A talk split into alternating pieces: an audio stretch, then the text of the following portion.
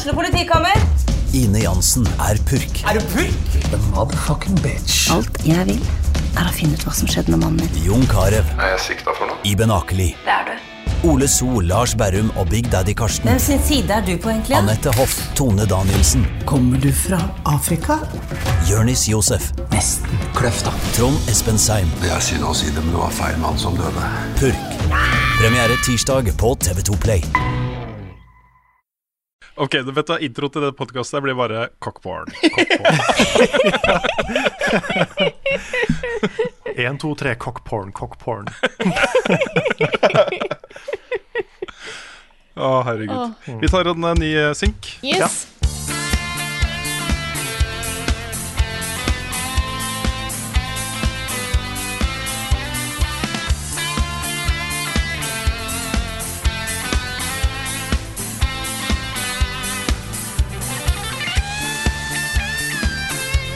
Ja, du hørte riktig. For bare 15 000 dollar kan Nick bli din. Dette er Black Friday-tilbud på levelupnorge. 15 000 dollar, og da får du Nick som fast medlem av Level Up-redaksjonen. 15 000 Ja, du, du får det ikke med altså. hjem.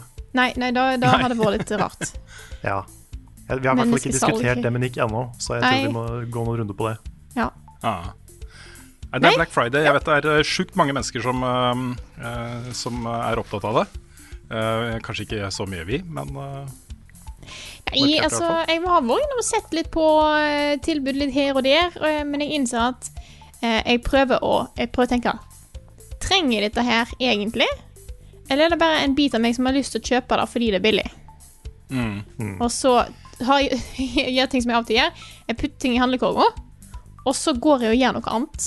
Og så glemmer jeg Ja. det ut. Ja, for da får så du sånn- dopaminen av å putte det i handle- handlekurven. Ja, ja. ja, Mm, det er smart. ja, det er smart. Og så hvis jeg innser at Jeg «Å, tror dette det- trenger jeg faktisk, så kan jeg gå og kjøpe det. Mm. Ja, for den ene tingen som mange trenger akkurat nå, er jo nye TV-er. Jeg ser det er mange som bruker Black Friday til akkurat det, da. Mhm. Så, men pass på, folkens. Det er ikke alltid den førprisen stemmer, oss. Det er uh... Nei, det er sant. Sjekk, Mm. sjekk prisjakt. Der står det jo ofte hva han har vært før. nettopp, nettopp, nettopp. De er litt slu, disse her eh, butikkene av og til. Mm. Men vi er jo ikke en salgskanal. Vi er jo Level Backup, en podkast eh, av, eh, av meg, men med meg, Frida Danmo. Og med meg i dag har jeg Karl Martin Hogsnes, Rune Fjell Olsen og Jan Martin Svendsen. Hallo, folkens. Hallo! Dette er min podkast! Ja. Så hele, hele Level Backup er egentlig bare din veldig lange selvbiografi. Jeg kommer til å snike meg sjøl skal- mer og mer inn. Det er bare å vente på det. Så Ja, ja. Mm. Vi kan døpe den til og- Frida Backup. Frida Backup. Yes. Åh, nei, det var ikke meningen å ta Det, det, det, var, det er ikke min podkast, det er vår. Vår podkast. Ja, det er vår podkast. Jeg sa at det var vår podkast, men egentlig så visste jeg at det var Så du må legge inn sånne, da. Du, vi må plugge en liten ting til. Eh, Det er kjempekult med Patron. Vi eh, nærmer oss målet på 15 000 dollar og muligheten til å ansette Nick. Men det er også dritkult at vi eh, akkurat nå er 1337 backere på Patron. Ja, vi er faktisk 1337 backere. Ja, jeg skulle kanskje ikke sagt det, da, for det er ingen som har lyst til å eh, få den opp til 1338, ikke sant? Ja, men alle, det er allerede ødelagt, vet du. Å, det er det, ja. Innen, at vi har klippet, innen vi har klippet denne episoden her, så er det sikkert ødelagt alt. Ja, det er, det er sant. det er sant, det er sant Så, Så vi det- får eh, leve med det. Ja, Neste nå er å være Hva blir det? Vi er jo mer Hva er det som er boobies opp ned igjen? Ja. 8008-15 Nei, jeg vet ikke, jeg husker ikke. Eh, men vi må plugge en liten ting til også, Fordi nå har jo endelig den der serien som vi har først tisa litt sånn hemmelighetsfullt om. Litt sånn derre sånn, litt sånn hmm, noe kult her. Ja. Eh, men nå er endelig da den serien ute. Den heter Spillskolen, eh, og er en produksjon i samarbeid med eh, Good Game. Hvor vi i seks episoder går gjennom hva foreldre må tenke på, og hva de kan gjøre for å sørge for at barna deres, og da snakker vi om de minste barna, de som akkurat har starta å spille konsollspill eh, på TV-en og på nett, eh, hva kan man gjøre for at deres hverdag på nett eh, når de spiller, blir tryggest mulig? Så det er en veldig sånn rett på sak, korte episoder, bare noen få minutter, ment som ren sånn foreldrehjelp eh, i den jungelen her, for det er ganske kompliserte greier. Eh, Jeg skjønner at folk syns det er litt skummelt å tenke på disse tingene. Så eh, godt å få den ut. Very much. Og første episoden av den kom jo forrige fredag. Eh, andre episode kommer ut i dag på fredag. Og så skal det komme da nye episoder hver fredag fram mot jul.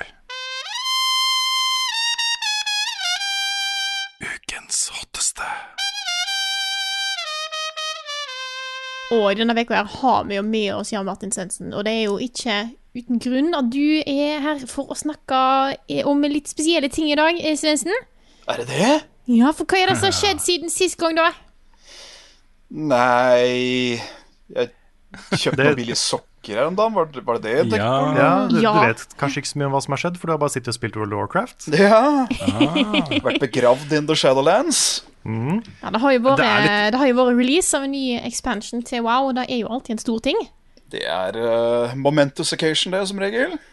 Og denne Ja, du var jo tidlig ute også, Du var jo tidlig ute også, Svendsen. Du begynte vel uh, i sommer Ja. Ja. Å snakke om at uh, altså, det, jeg, tror du gleda deg skikkelig, rett og slett.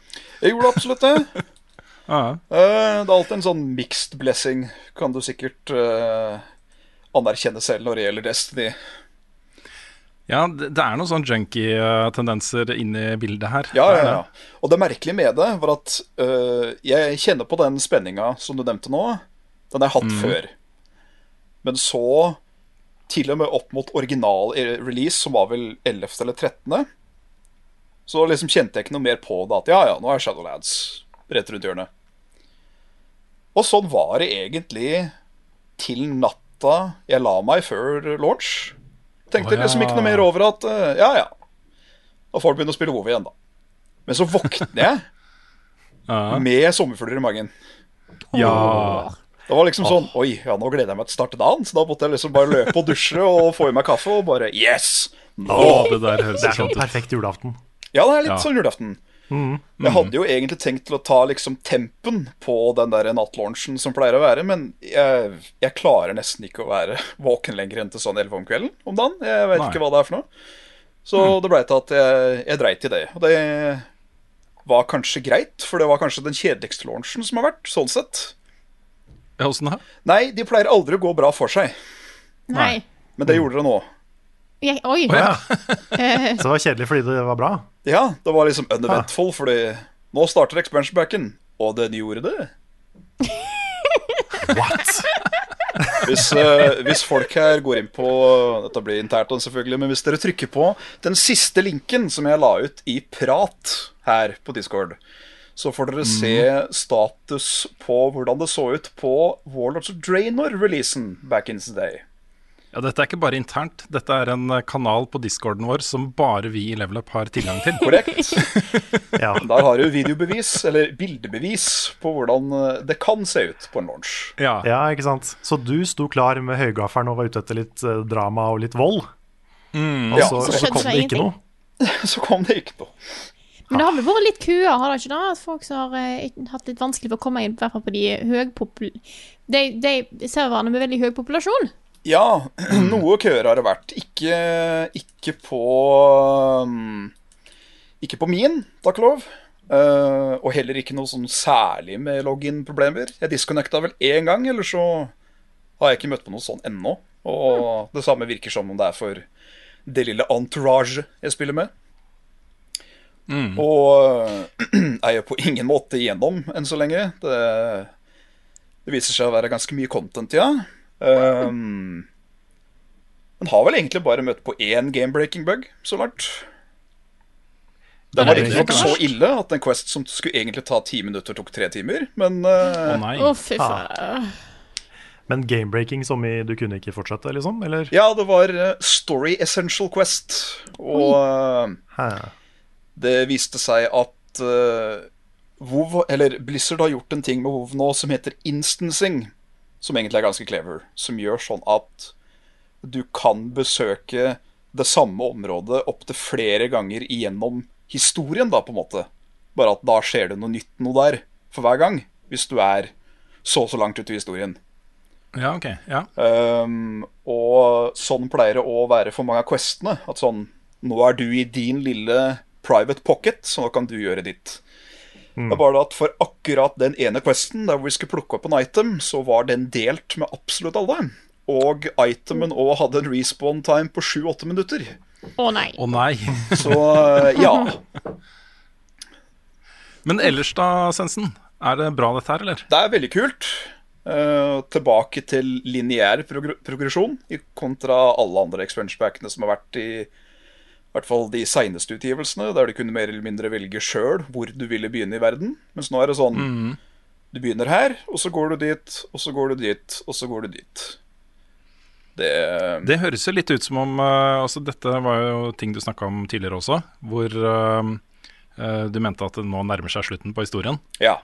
Og dette er et sånt helt klart grep man kan ta da, hvis man nærmer seg slutten på en historie og ønsker å på en måte presentere det på en ganske konkret måte da, til spillerne sine. Ja, jeg får liksom følelsen at de har Og det, det har de vist seg òg, at nå istedenfor at man skal oppleve mange småhistorier, så er det heller én stor historie som du blir på en måte guida gjennom, da, fra start til slutt over alle disse mapsa som er på er i Shadowlands.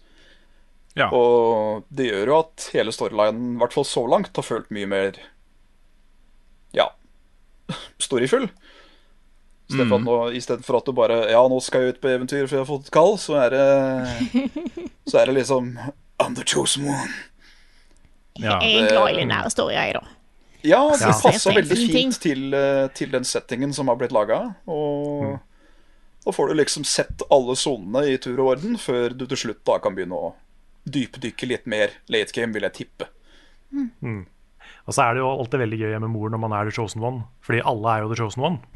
Alle er the chosen one. Ja, ja. Det, det er akkurat samme i Final Fantasy 14. Der er jo du the warrior of light. Yes. Og så viser at ja, men alle spillerne er jo det. Ja. Ja. Ah, ja. Det er ganske mange Warriors of Light. Ja.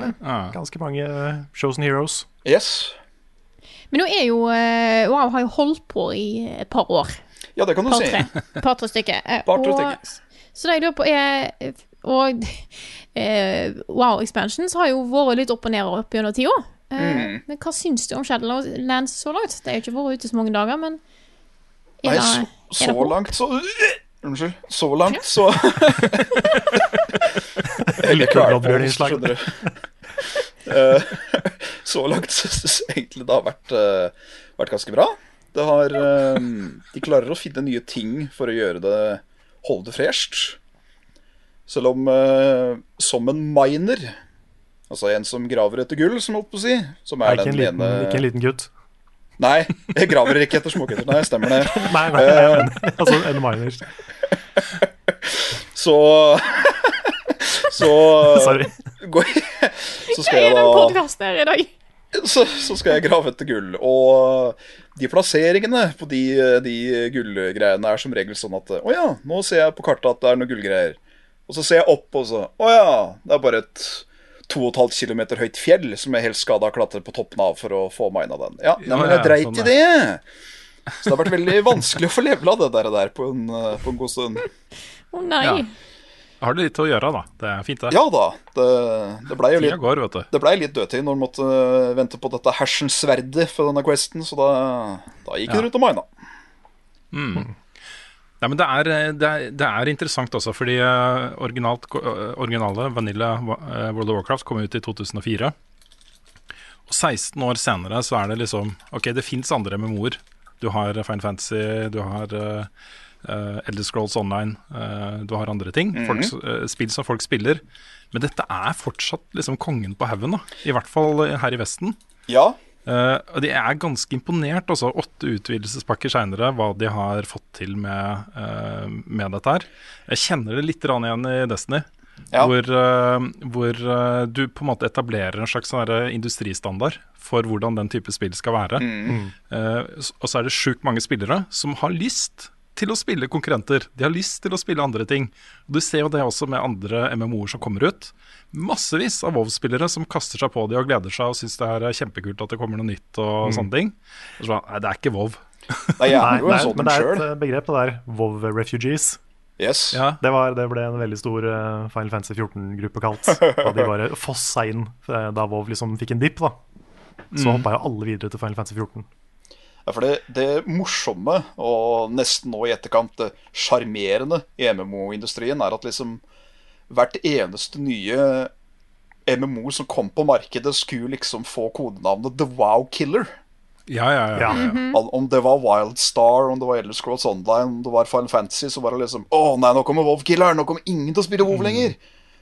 Ja, og så har WoW fortsatt da gud veit hvor mange recurring million subscribers månedlig. Så det er liksom Det er. Det er ikke et, det er ikke et MMO du dreper.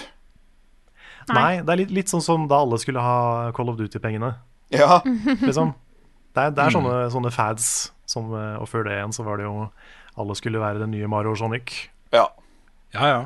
Men Det, er- det blir jo sånn.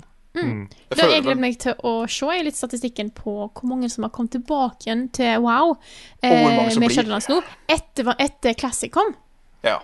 For da vil ja. jeg tippe en god del. Det datt av en god del på Classic òg.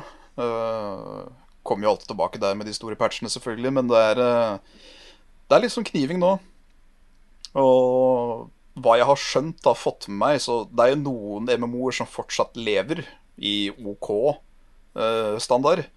Men det er liksom Det er WoW og Final Fantasy 14. Det er de to som uh, Som er kongene akkurat nå, får jeg følelsen av.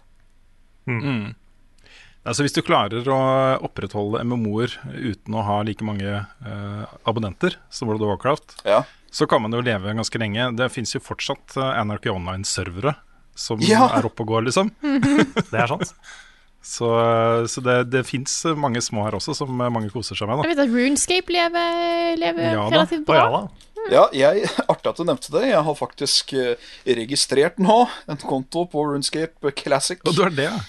Ja, for der er det et event som går nå, har jeg fått med meg. Ja, jeg så det derre Trailblazer League, som det heter. Det, Ja.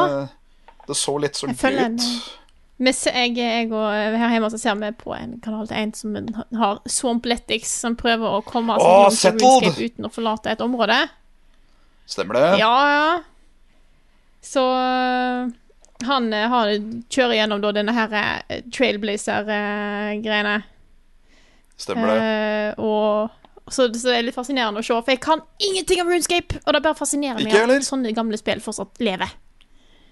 Nå kan jeg plutselig ganske mye, Så. for det der har blitt min nye litt sånn derre mini-addiction på YouTube. Det er å følge Runescape-kanaler. Ja, Ja. kult. Ja, for jeg har også sett noen Runescape-videoer. Um, og jeg er jo i mange tilfeller ganske glad i retrospill. Mm. Men akkurat det spillet er sånn når jeg ser på det, og så bare ser jeg noen spiller det, og så prater de om det, så blir jeg litt sånn Oi. Ja, det det er sånn det er? Det er Og så er det for mye grind. Det, altså, jeg liker Ja, grind, grind, mye mye grind. Det er derfor det der league-greiene virka litt attraktivt. For du får vel helt opp til tolv ganger så mye experience helt på slutten, tror jeg. Ah. Så Ok. det går ganske radig. Men ja, Men eh, hva, hva, ja, hva er planen din framover nå, Svendsen? Altså, hvor langt har du kommet i the grind, og hvor mye har du igjen? Og hva, hva er liksom planen din for videre spilling med, med dette her? Nei, det, det jævligste problemet egentlig var at jeg hadde ingen anelse om hva jeg skulle spille når endelig expansion packen var på døra. Jeg kjør, tenkte liksom Death Knight, det skal jeg spille. Og så begynte jeg å spille det litt, og så hmm, Jeg føler ikke helt Men da har jeg problemet òg, da. At jeg har alltid maks level. Eller altså tidligere maks level. Så da er det liksom å gå inn med hver eneste class da, og prøve litt rundt. Og jeg, ja, funker dette? Nei, vi tar ikke den. Vi prøver neste. Funker dette? Nei, nei vi prøver neste. Så til slutt så endte jeg opp med en god, gammeldags, klassisk warrior. Kjørte gjennom det. Er nå i level eh, 57,5 av 60. Ja. eh, og er vel snart ferdig med map nummer to av fire. Ok. Så det er ganske Det er mye content kontra det du trenger å grinde da for å komme til maks level. Ja, det er kult. Det høres veldig få bra litt ut. sånn sånne eh, dungeon quests og greier, så nå venter vi på Vi venter på fjerdemann. Skal komme alt til høyt nok level han nå, så han kan være med å leke. Så blir det litt, eh, litt fokusert recording fremover. Ja, apropos det, du nevnte jo også sist vi snakka om dette her, at eh, du er i ferd med å starte en egen guild. Stemmer det? Til Good Boys, Er ikke det Ja? Hva det? Jo, Jeg kan du ikke repetere informasjonen her, for det, det tror jeg nok det er mange som kunne tenke seg å eh, det kan jeg godt gjøre. mer om. For det virker som det var litt, eh, det var litt forvirring. For det var, eh, det var noen som spurte om gylden var oppe og gikk på en helt annen server. Oh. Ja, Mhm. så det er ikke Quel Thalas, det er Kul Tiras. Kul gras. Nei. Kultiras. Nei! Nå skal jeg, nå skal jeg kline opp, det, er ikke, det er ikke potato, det er potato. Ja. Kul tiras på Alliance side. Send, Kul eh, tiras. send Grishnok, en liten whisper. Det er da Jeg liker at alt er veldig lett å skrive. Ja, kjempelett. Det hadde vært mye enklere hvis jeg hadde bare holdt den der pokker sjamanen min og spilt med den, for det er den som heter Svendsen. Men uh... Ja. han, eh, han, han står og loker et eller annet sted, så Grishnok. G-r-i-s-h-n-o-k. Grishnok. Grishnok. Og da Ja. kan du bli med i The Good Boys. The Good Boys. Jeg trenger, eh, trenger én signatur til for å faktisk ha gildet ferdig, men uh, han skal logge på i, uh, i kveld.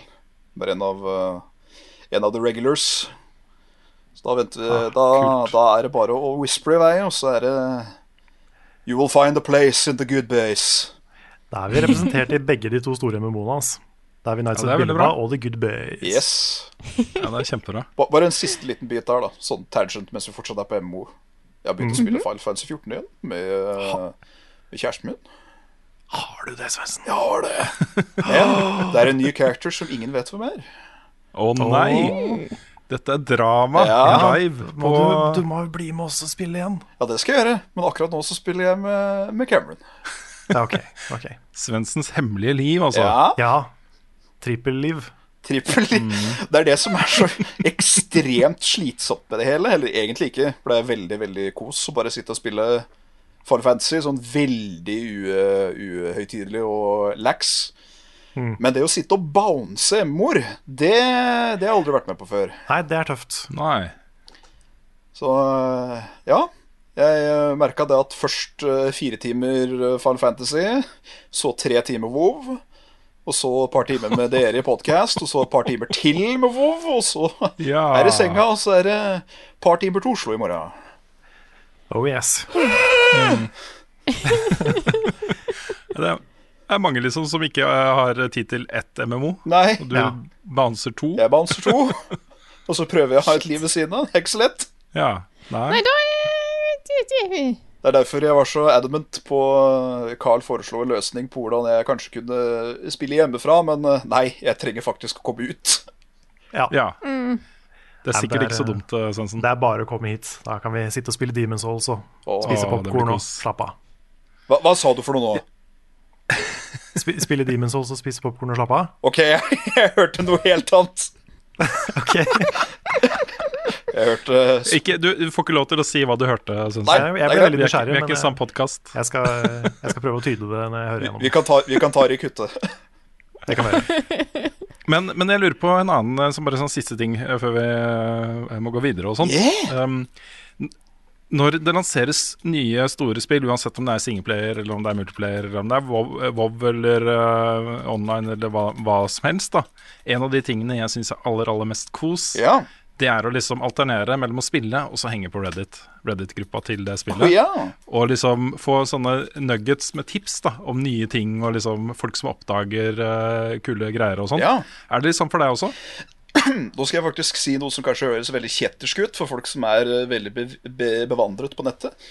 Det er at jeg nesten aldri bruker Reddit. Du har aldri hørt om Reddit? Nei, Red, Red, Reddit Nei, jeg bruker ikke mye Reddit. Um. Men jeg har fått faktisk en, uh, en sånn ganske omfattende guide til Shadowlands, som uh, tar for seg mer eller mindre alt.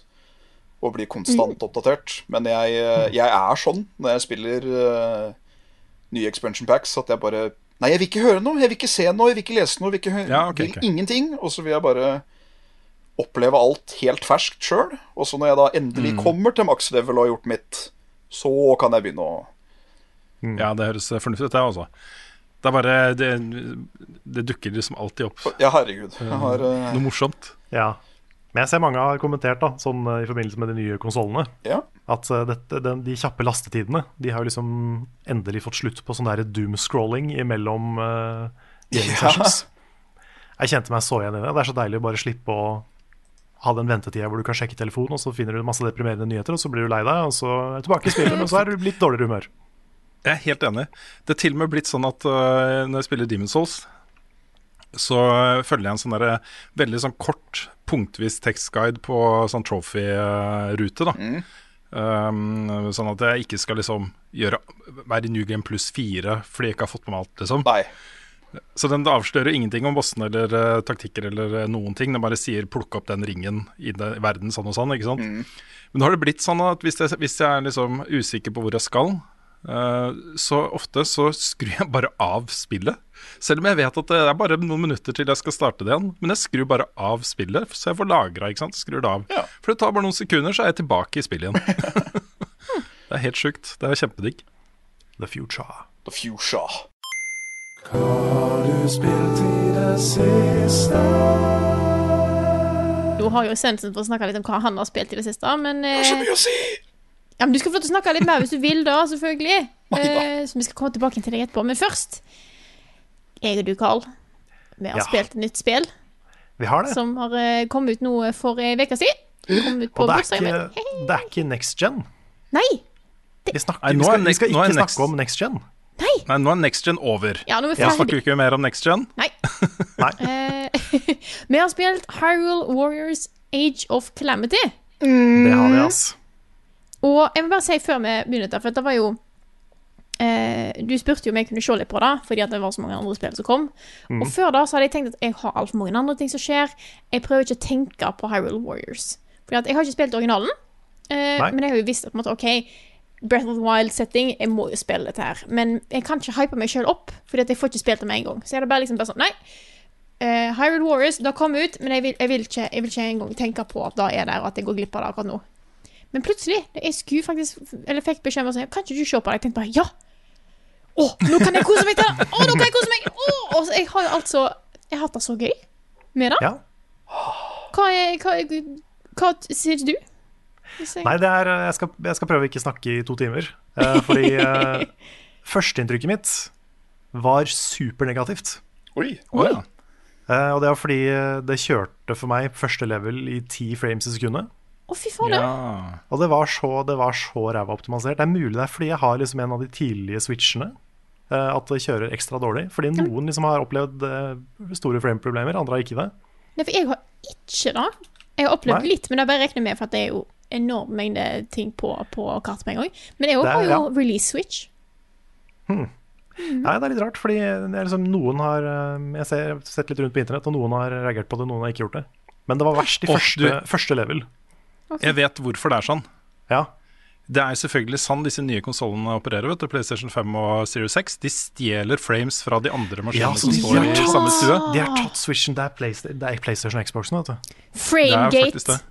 Åh, Framegate.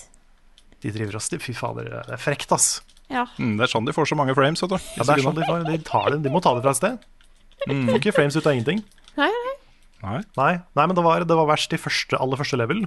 Så førsteinntrykket, Det er derfor førsteinntrykket var så dårlig. Fordi eh, det virka som en sånn uferdig spill, nesten. Å, oh, spille første mission. Men eh, så ble det mye bedre etterpå. da Så det var heldigvis bare første mission.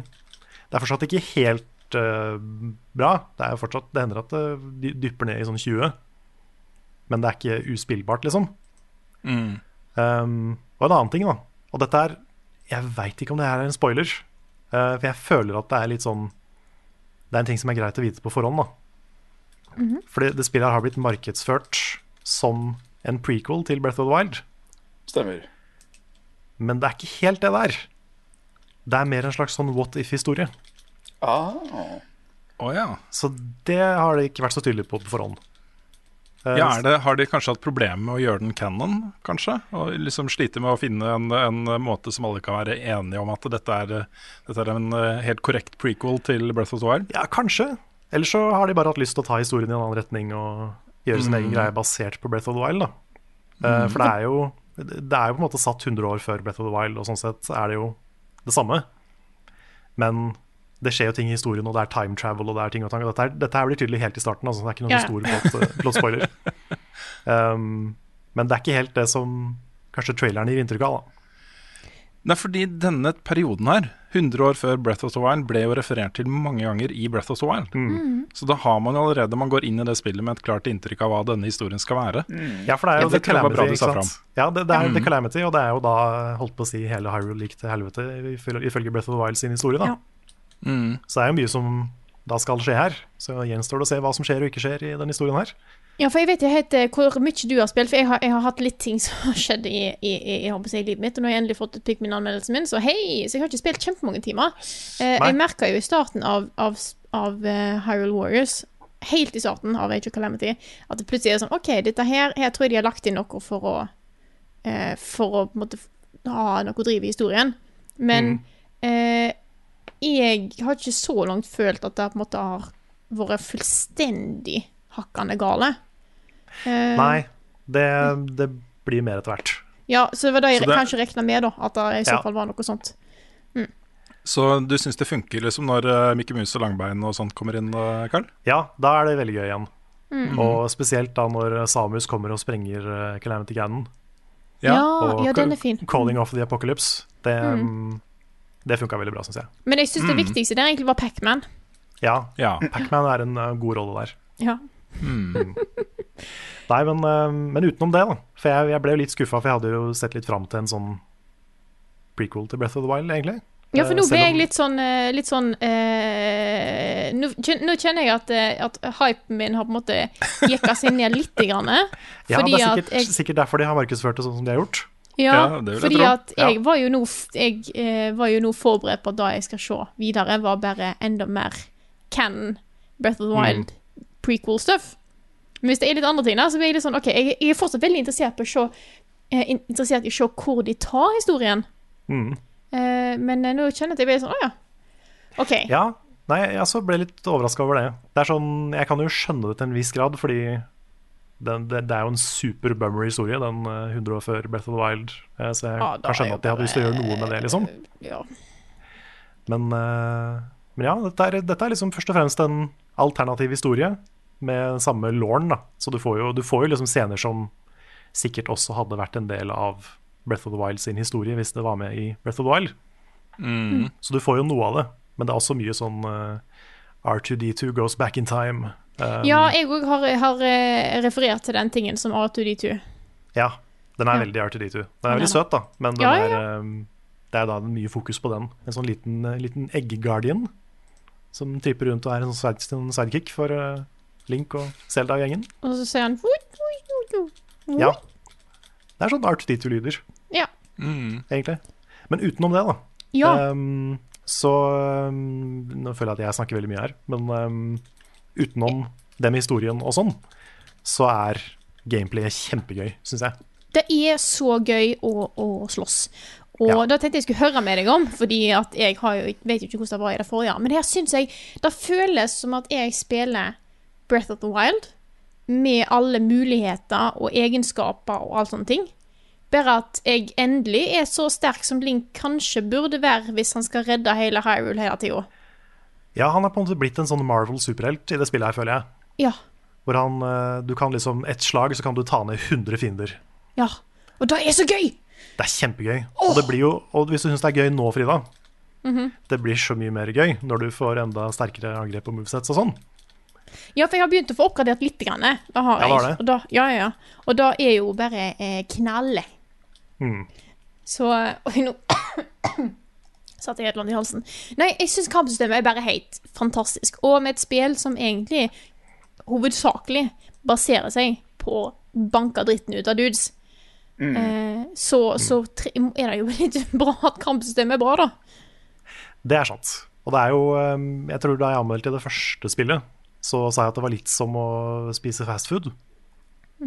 Og det, jeg føler det er litt sånn med de, de Muso-spilla, de eh, Warriors-spilla, at det liksom Kampsystemet er bare en sånn Det er en sånn fast food cheeseburger. Hvor du bare Det det er jo liksom ikke så Det, det blir vanskelig etter hvert, men én og én fiende er ikke vanskelig. De er liksom bare sånne pappfigurer som du bare meier ned. Og du er en tanks som bare fiser rundt og, og dreper tusenvis av fiender på et par minutter. Um, men det er jo noe morsomt med det. Det er, liksom, det er sånn billig morsomt, på en måte. Og er litt sånn tilfredsstillende på en rar måte. Det er sånn du klipper gresset med fiender, liksom. Det er det du gjør. Ja. Så um, det er jo gøy. Det er sånn av natur en sånn morsom ting å gjøre. Det er, det er, det er litt rart å se det i Breath of the Wild-stilen. For da er det på en måte Du drar på McDonald's og får en burger som ser ut som en ribbe. Hvis du skjønner hva jeg mener. Ja. Det er sånn, det er Nå har du jo McRib, da. Oh, Ja. Men det er, liksom, det er en sånn krasj mellom det jeg husker fra Hyrule Warriors og det jeg husker fra Breath of the Wild. Da. Det er to litt sånne rare ting å kombinere. Ja, fordi at altså, i Breath of the Wild så eh, Så skal det jo være han der Link som allerede har vært og banka dritten ut av folk i, i Hyrule Warriors. Og da er det sånn en liten fiende. Da er det sånn OK, nå må jeg planlegge. Har jeg rett våpen? Står jeg rett vei? Står jeg på rett side? Kan jeg prøve å snike meg inn først? Mens her er det mer sånn! Ja, type du, nyser, og så dør 400. Så, så det føles litt eh, annerledes sånn sett. Det er en liten disconnect der, men igjen, jeg føler kanskje mer at du, du er den, den eh, styrken som kanskje det Som du alltid føler du hører om, liksom at du er the legendary one, og så bare sånn Ja, men hvis jeg får en pinne i hodet, så dør jeg. Eh, Det er sant. Ja. Og så um, er det jo veldig kult at det kan være såpass mange characters. ja. Jeg, for eksempel, eh, jeg mena jo eh, Link og Mifa og Urbosa. De tre var liksom mine tre go to characters. Og du får jo mange flere etter hvert, men, men de, uh, de syns jeg var dritbra. Ganondorf. Det er ikke sikkert det er Ganondorf i det spillet her. Nei, men jeg spilte han i det forrige. Ja, han var veldig bra i det forrige. ja, for du har spilt det forrige, Sens? Ja. Spilt alt du som var av det forrige. Har du tenkt å plukke opp det nye? Må vel nesten det, kanskje. Muligens. Stjele switchen til romkameraten og bare si 'min'. Du, sorry, jeg må bare ha det. Det det, det er jo jobb. Ja. Jobb og så Får tilbake om et par hundre timer. Ja. For du kan, du kan sitte med deg ganske lenge. Ja, du kan det, ja. Det er ganske mye optional side content. Men det som er fint, da, syns jeg, det er at um, fordi de Warriors-spillene kan være veldig grindy. Og det kan for så vidt det, det her òg, men de har en veldig fin sånn måte å bygge opp uh, sidequests på. da Hvor du kan fokusere på mainstoryen, og hvis du må levele, så har du liksom quester du kan gjøre, du kan levere inn materialer. Og du kan bruke en sånn Shika-sensor til å finne nøyaktig de banene som har de materialene du trenger. Så det er veldig sånn brukervennlig å finne fram til ting. Pluss at uh, våpen-upgrades og level-upgrades og sånne ting også er veldig greit å sette seg inn i. Det er ikke så komplisert, da. Jeg mener å huske at originalen var mye mer komplisert. Så um, det er på en måte Det er litt mer sånn brukervennlig å spille det her, Mm. syns jeg. Men jeg, jeg må jeg, jeg, jeg har bare lyst til å trekke fram eh, helt i starten når du, når du spiller Altså første gang du skal spille som Selda. Ja. Fordi at hun er sånn 'Jeg kan slåss', og så kommer de med Chica-sleiten og bare sånn 'Ja, OK, la oss lage litt eh, is og litt eh», Så det føles, eh, føles som at jeg så i henne da jeg følte Da jeg spilte eh, Breath of the Wild for første gang, og prøvde å forstå meg på disse kreftene til Link. Eller til, til Ja. kreftene til den Chica-slaten. Ja det bare, plutselig var det en bombe, og så sprengte den, og så kom det noe sånn is og så litt sånn opp, om hverandre òg. Ja, Ja. Så da syns jeg var litt kos. Var litt ja det er kos. Mm. Nei, det er, uh, det er morsomt å være de fleste karakterene, altså. Ja. Oh, det er, jeg, for jeg tenkte først meg sånn Men men jeg har jo lyst til å spille som Link. Men jeg har egentlig lyst til å spille som alle. Mm. Det, er, det er kjempegøy.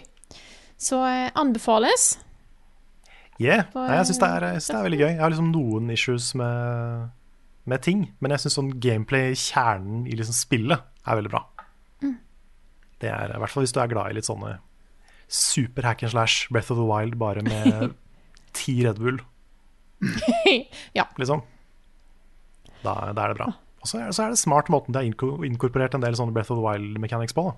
Sånn som Mm, alle har jo de der de, de, eh, Hva heter de? De rune power-tinga? Uh, Den eh, magneten og isen og bombene og sånn.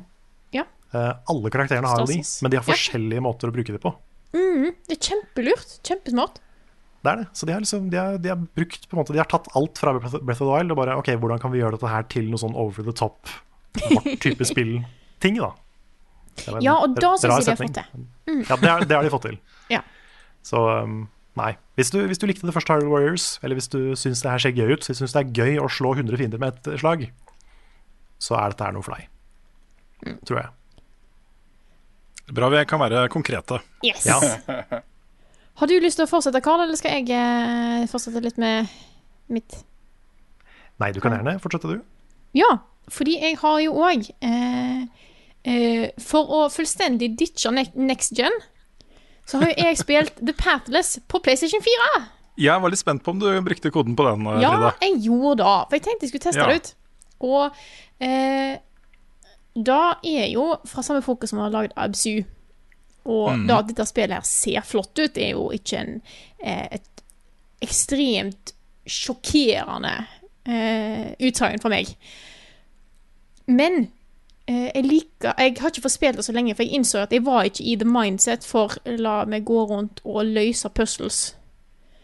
Jeg gikk heller og drepte eh, sjukt mange eh, dudes i, i Breath of the Wild. Nei, ikke Breath of the Wild. Killing. Ja. Eh, Hyrule Warriors, Age of Calamity. Men jeg har begynt på det. Eh, for spilt det vel en times tid. Og da er et spill som er lagd veldig for at du skal springe rundt, ha veldig flytende, kjappe bevegelser, og jo når du springer rundt, så bruker du eh, stamina bar, og ved, ved å skyte på ting som er eh, i området rundt deg, så kan du få regen av denne baren. Eh, og så får du etter hvert ei ørn som kan hjelpe deg, så du kan fly litt og greie det. er Kjempekoselig.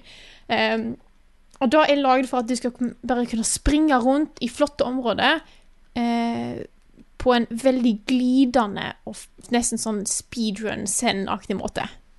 Og det er gøy. Og så har de blanda det med en del puzzle-element. Men der som regel er det helt Nå er, det, måte, nå er du inni her, og nå skal du løse puzzles her. Uh, puzzles er heldigvis veldig gode, men jeg føl, det, måte, det føles litt som to forskjellige ting. Mm. Eh, så jeg gleder meg til å på en måte få spilt det mer, sånn at jeg klarer kanskje å få, få en mer sammenheng i dette her. Akkurat nå så føltes det som at jeg sprang rundt, hadde det kjempegøy, og så og det sånn, OK, nå skal vi her og løse puzzles. Og det var, jeg merka at jeg var ikke helt i den Jeg var litt sliten den dagen, så jeg var sånn OK. OK, puzzles, ja. Jeg ser det er noe, jeg skal skyte gjennom noe greier. Men jeg tror jeg skal ta og slå noe uh, goblins. Ja, det var sånn det var. Mm, supert. Så, eh, så jeg, jeg, har lyst til å, fortsette på det. Så da håper jeg at jeg kan få gjort. Og nå er jeg Nå har jeg fått ut Pikmin 3 Deluxe-anmeldelsen min. Den er ute, så sjekk den ut. Uh, så nå har jeg eh, Nå har jeg tid eh, i, i, i, i kalenderen min igjen til å, til å starte opp igjen på, på The Pathless og eh, Hyrule Warriors. Nice. Nice, nice. Det er så sykt, vet du. Det kommer jo inn sånne review-koder av ting som, som hadde vært veldig kult om vi kunne få anmeldt. Vi fikk av uh, Twin Mirrors uh, nå. Det er så, Hvem av oss skal ha tid til å spille det, da? Det, jeg har aldri vært borti en situasjon hvor alle sitter fullstendig nedsylta i dritsvære greier, liksom. Ja, fy fader. Jeg venta Jeg satt jo og venta, for det, det er jo en liten stund siden jeg fikk The Pantless-koden. Eh, men jeg tenkte kan, jeg, jeg venter og ser om jeg får en PlayStation 5. Fordi at det var en PlayStation 5-kode. Og Ja jeg tror at det spillet ser forferdelig fint ut på PlayStation 5. Det er jeg helt sikker på. Eh, Så når jeg ikke fikk den, så var jeg sånn hm, Skal jeg vente? Skal jeg ikke gjøre det? Så derfor tok det litt tid før jeg faktisk måtte satt meg ned og sa sånn Nei, nå, nå, nå, nå installerer jeg det på PlayStation 4 og, og tester det der. Og det ser fortsatt kjempefint ut. Jeg, jeg, Jeg tror du skal være glad for at eh, du ikke har PlayStation 5, ja, fordi da hadde jo uh, Hyrule Warriors uh, gått mye dårligere. Vært færre Ja. frames der, Ja, liksom. det er sant, da. Mm. Mm. Den så jeg faktisk hadde vært problem. Det er sant. Jeg får huske, jeg husker på det å sette PlayStation 5-en ganske langt vekk fra Switchen. Ja, kanskje Du har jo flere etasjer. Ja, jeg tror Ja, det. Jeg tror vi det er- setter de i hver sin ja. etasje. Ellers så tror sånn jeg at Switchen kan PlayStation kan ikke stjele gjennom bly. Så du må bare ha en, Mm. en sånn blyboks rundt. Ja, for bly er så lett å få tak i, for det er Ja. så lite vanskelig å ha med å gjøre og ikke giftig eller noe. Nei, så du må ha sånn ikke-giftig bly, da. Ja. Mm. Det fins jo, bly- eh, det finnes jo glass som er, er lagt inn med bly. Da kan jeg få se om jeg får tak i. Det var det er akkurat det jeg mente. Mm Men, jeg, eh, jeg, jeg, jeg, eh, jeg tror at det ser fint ut på PlayStation 5, men det ser veldig bra ut på PlayStation 4 òg. Så, eh, så jeg, jeg gleder meg til å, å forsyne meg ned i det, altså. Ja, Vi skal ikke glemme det. Det er, eh, det er liksom 113 millioner mennesker i verden som har en PlayStation 4. Uh, når jeg ser til og med Corey Barlog ikke liksom vil utelukke at neste God of War også kommer på PlayStation 4. Så det, det vil, den konsollen kommer til å leve uh, litt lenger også. Den gjør det. Absolutt. Og det er jo, selv om PlayStation 5 er skinnende ny og så videre, så er det jo fortsatt Altså, vi fikk Red Dead 2 på PS4, liksom. Så man The skal, Last of Us Part 2. ja, man skal ikke glemme at de spillene er jo helt uh, nydelige. Ja, ja, ja. ja, ja. Så um, Men um, skal jeg kjapt ta litt av det andre jeg har spilt? Eh, ja, for dette det, Jeg tror det var meg. Jeg har sikkert glemt et eller annet. Men uh, kjør på. Ja, du får bare avbryte meg hvis du kommer på noe mer. Ja. Midt i en setning, helst. Midt i en setning, aller helst. Ja. Men eh, nei, for jeg har jo jeg har da runda Demon's Souls. Skal akkurat til å begynne på, eh, på New Game Plus der. Det er fortsatt, fortsatt amazing. Thank you, thank you. Det gikk jo litt fortere siden jeg har spilt originalen før. Men eh, åh, damn fine game, altså. Ja, Det er mulig jeg kommer til å snakke litt om uh, Demon's Souls også, hvis ikke jeg skal gjøre det nå, da. Fordi du er liksom ferdig med Demon's Souls. Jeg er midt, jeg er midt i kosen, liksom. Ja, jeg kan, kan jeg smette inn en kjapp ting til, så kan jeg sette over til deg. Ja, det kan jeg gjøre. For det siste jeg vil snakke om, det er eh, at jeg har gått tilbake til Astros Playroom Ja. og runda det. Hei. Og det er ikke så langt, så det går ganske Nei. fort å runde, men det er verdt å runde det, altså. Jeg så Erik Fossum posta på Twitter eh, hans første platinum på PlayStation 5. Det var Ja. Astros eh, Playroom. Jeg tror ikke jeg er så langt unna sjøl, nemlig. Jeg mangler bare Nei. sånn eh, fem-seks puslespillbiter og et par eh, sånne artifacts. Mm. Så har jeg hele museet, liksom. Ja. Men eh, det, er, det er gøy, altså. Og jeg trodde jo at eh, For du, låser opp sånne speedruns eh, når du tar en bane. Og jeg trodde at det var bare speedruns av den banen. Men det er egne sånne mini-speedrun-baner, og de er ganske kule. Ah, kult. Og leverdesignet level-designet i de er dritbra. Tøft. Så de er laga for at det skal kunne gå fort. da At du kan liksom, Hvis Ja. du er god, så kan du one-cycle alle de plattformene og sånne ting. ikke sant? Mm. Så det er litt kult. Det er litt Ja. kult Og uh, hele spillet er jo liksom bare kos. Det er en ordentlig good vibes. Og det er, sånn, det er jo en kjempesvær PlayStation-reklame, men den er laga med så mye kjærlighet, på en måte, Mm. at det likevel funker så bra. da Jeg tror det at eh, jeg, jeg klarer ikke helt å forestille meg hvordan denne ideen her ble skapt. Jeg tror nok grunnideen var bare Kan ikke vi lage en liten morsom sånn tech-demo for hvordan den kontrolleren her funker på PlayStation 5? Og så tror jeg de utviklerne her har bare tent på alle plugger på den ideen.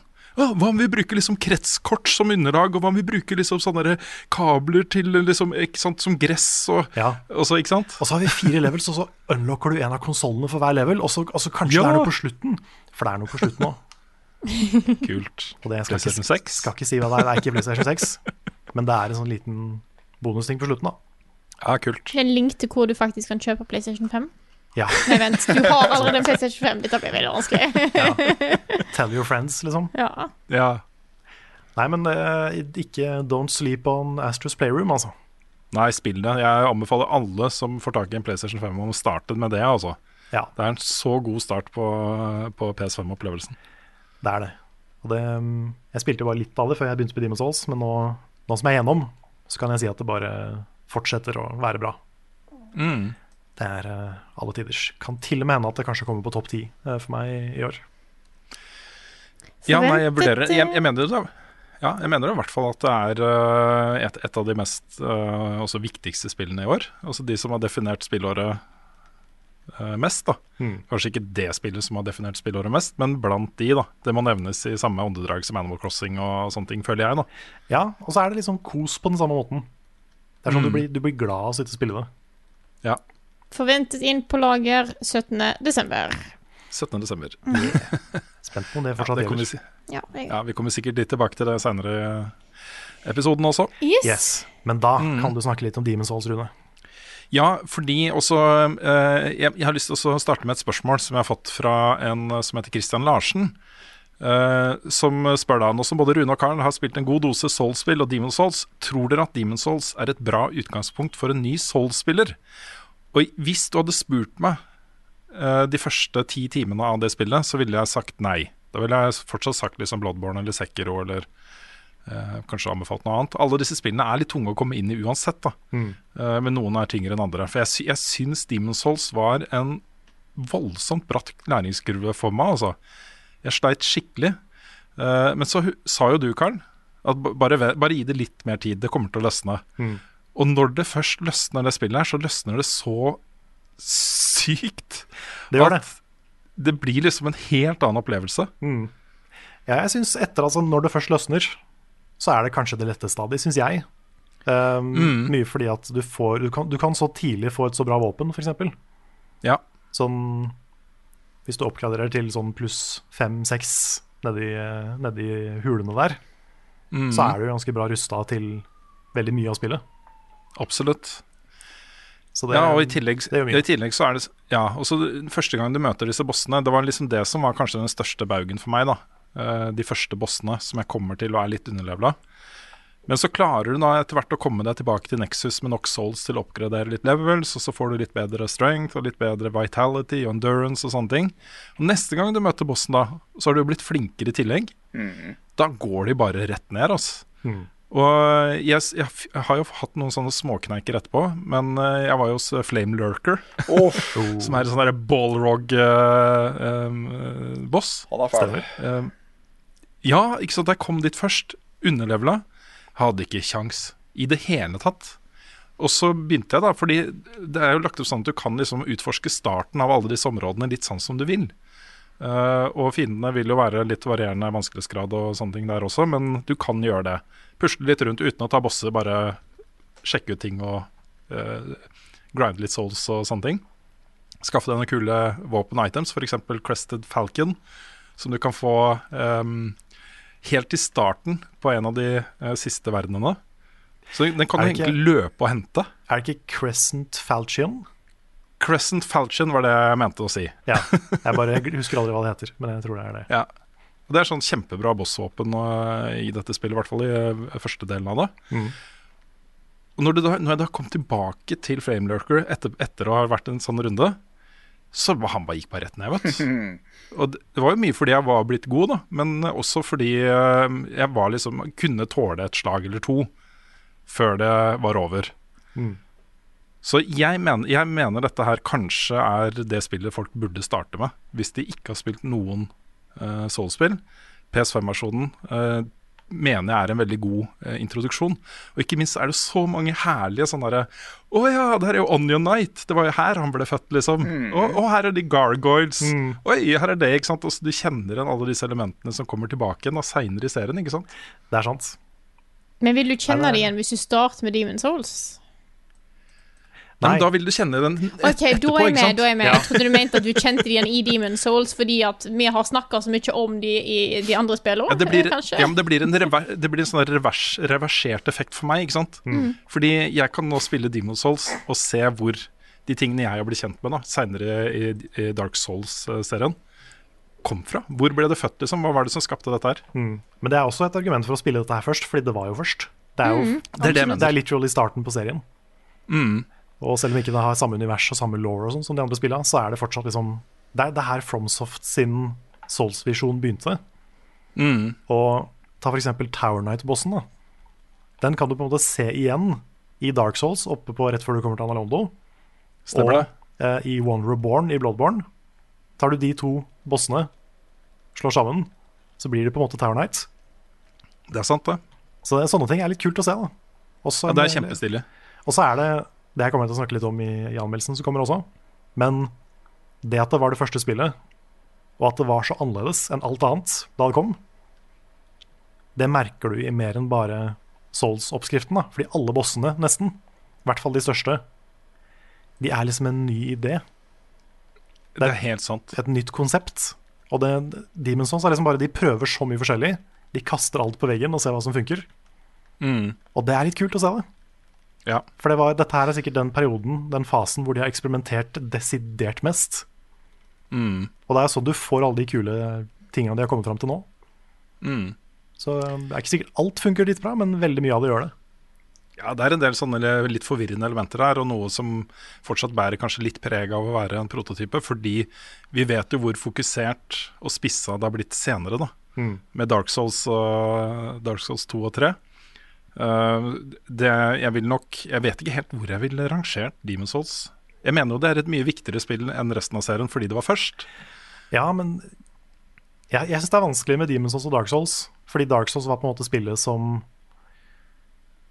Som kom med den store, åpne verden.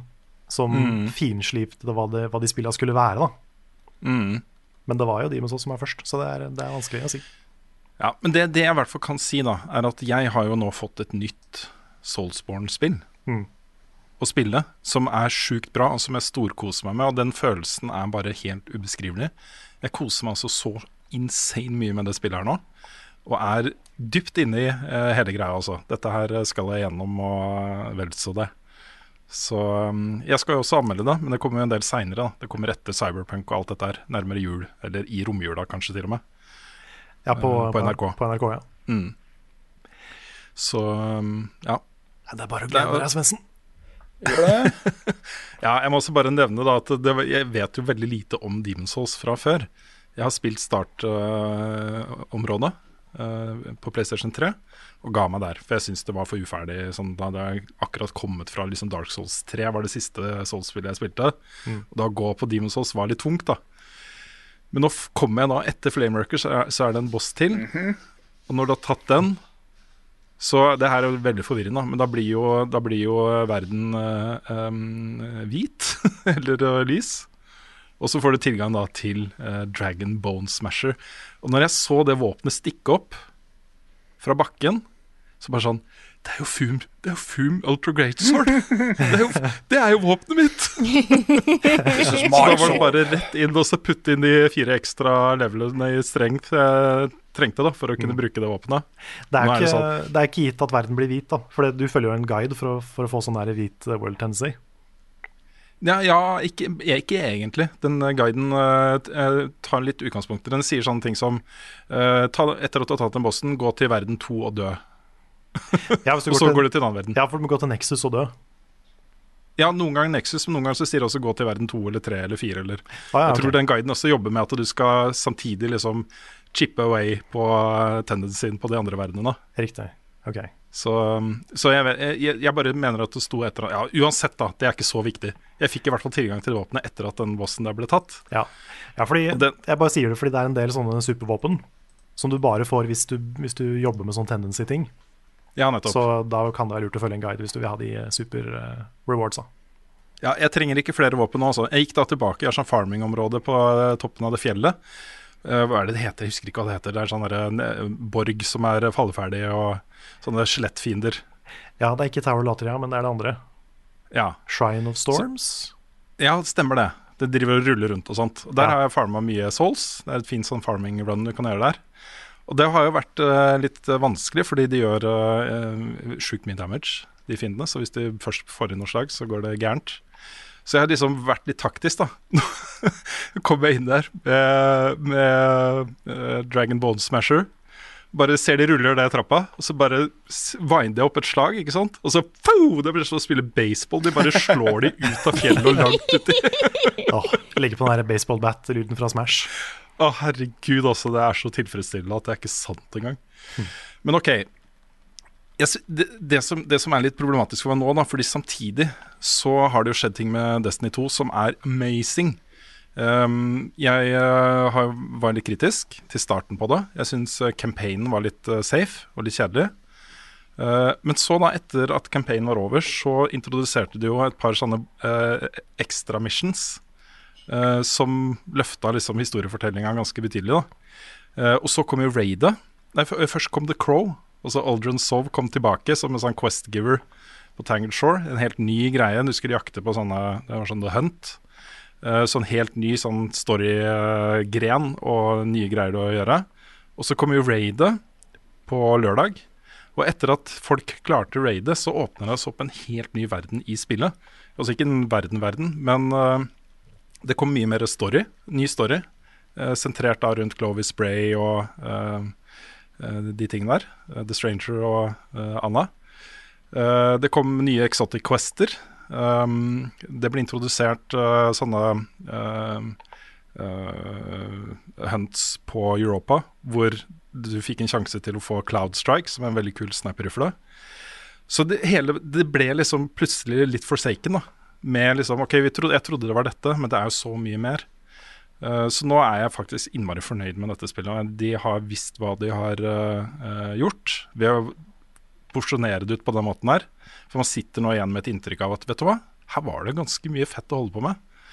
Og så må jeg bare nevne da at det raidet, raidene i Destiny er liksom grunnen til at jeg spiller dette spillet, og det nye raidet er letteste, kanskje, raidet til nå. Jeg syns det er bare bra, egentlig. Men holy shit, hva de har gjort der. Altså. Jeg må bare, Det her blir litt spoiler. Uh, så hvis du ikke vil vite noe om dette raidet før du har spilt det selv, så bare spol fram et par minutter.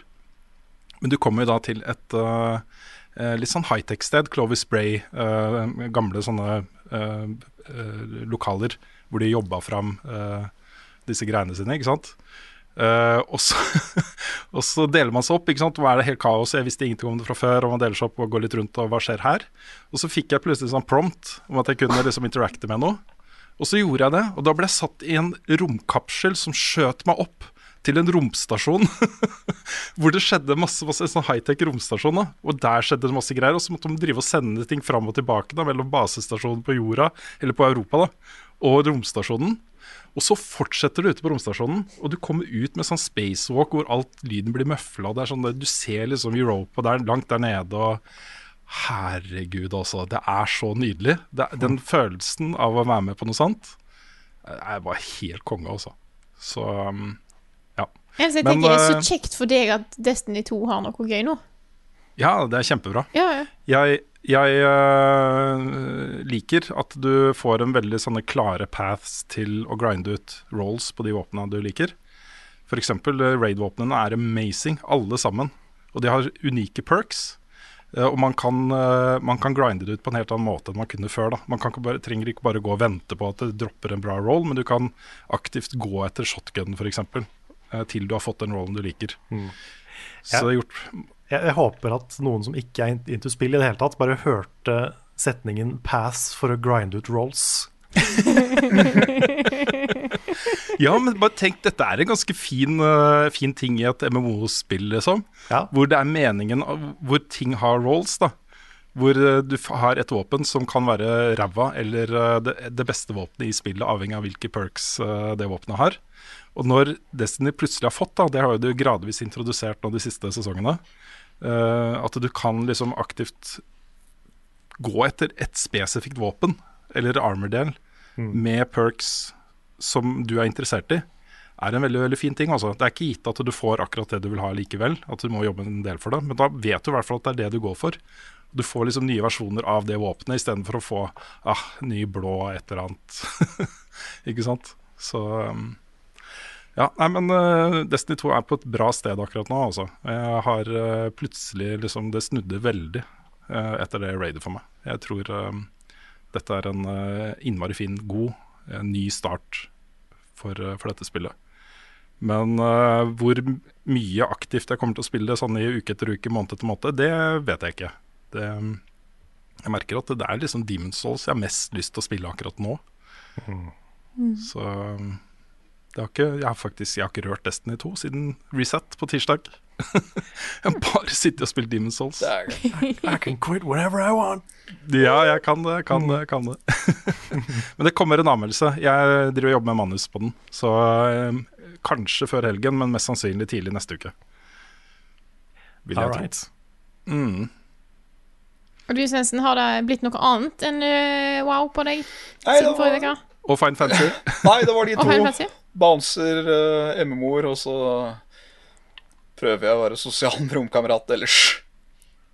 Det høres ut som at du har uh, noe å finne på, da. Dog, det skal da. sies at uh, den, det kameraderiet som kommer av å liksom prate med folk man kanskje ikke har pratet med på en god stund, fordi det er ofte folk jeg har spilt som regel WoW med, og så plutselig kommer virkelig in the jive og sitte og voicechatte på Discord og tulle og styre og hele pakka. Det er, eh, det er en sosial opplevelse i seg sjøl, det, altså. Mm. Ja, ja, absolutt. Apropos, vi må spille inn mer barbarer en dag. Det må vi gjøre. Det er veldig kos. Det er kos. Denne er jo kjempebra. Ukens anbefaling. Og jeg hører rykter om at det er to stykker som kanskje har et par eh, små anbefalinger i dag, men vi kan starte med Carl. Ja, jeg har en liten eh, YouTube-anbefaling i dag. Mm. Fordi jeg snubla over en eh, spennende ny YouTube-kanal som jeg ikke hadde sett før. Den ikke, jeg tror ikke den er ny, men den var ny for meg. Og det er kanalen Alex Mokala Music. Mm. Og det er da en, en proff musikkprodusent. Eller music producer. Er det musikkprodusent, eller det noe, heter det noe annet på norsk? Nei, jeg vil ikke si produsent, ja. ja. jeg også tror det. Um, men han um, er jo veldig interessert i spillmusikk. Og har uh, visstnok jobba med en del store, kjente prosjekter i spill og film og, og sånn. Så han har sånne videoer hvor han bryter ned uh, da de kuleste musikktracksa fra forskjellige spill. da Sånn Final Fantasy og Persona og uh, hva annet er det for noe? Det er mye forskjellig. Bloodborne.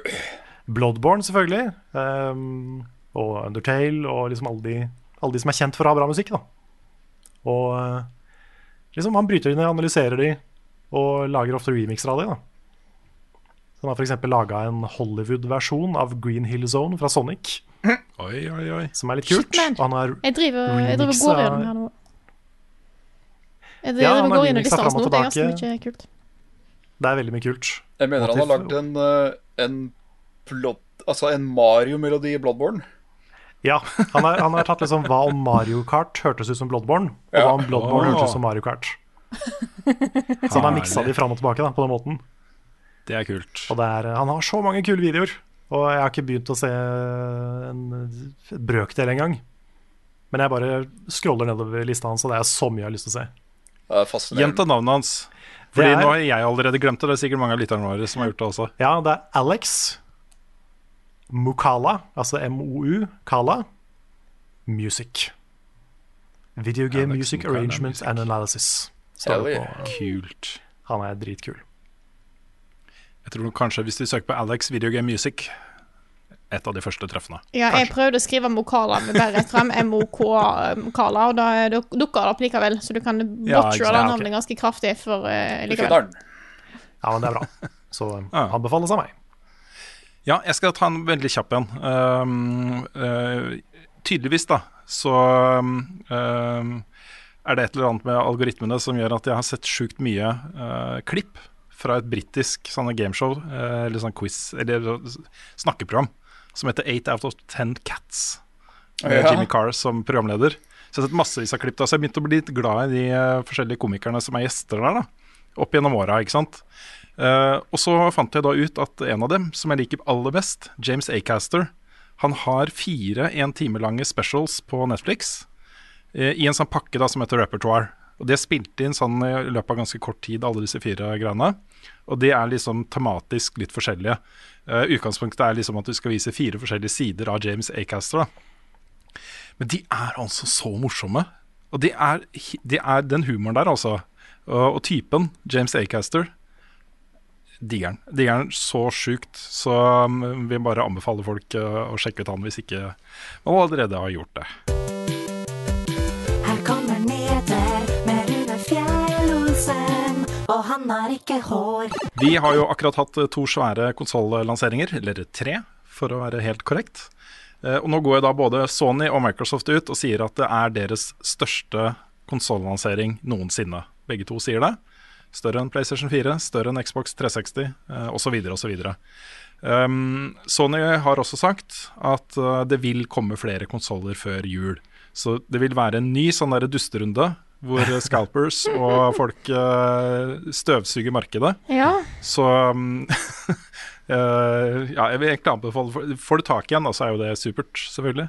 Det må gjerne prøve. Men eh, over nyttår, eh, utover vinteren og våren, så kommer det til å være mange flere konsoller tilgjengelig. Så vurder å melde deg ut av rotteracet, selv om det hadde vært digg med en ny konsoll til jul. Det vil i hvert fall komme mer.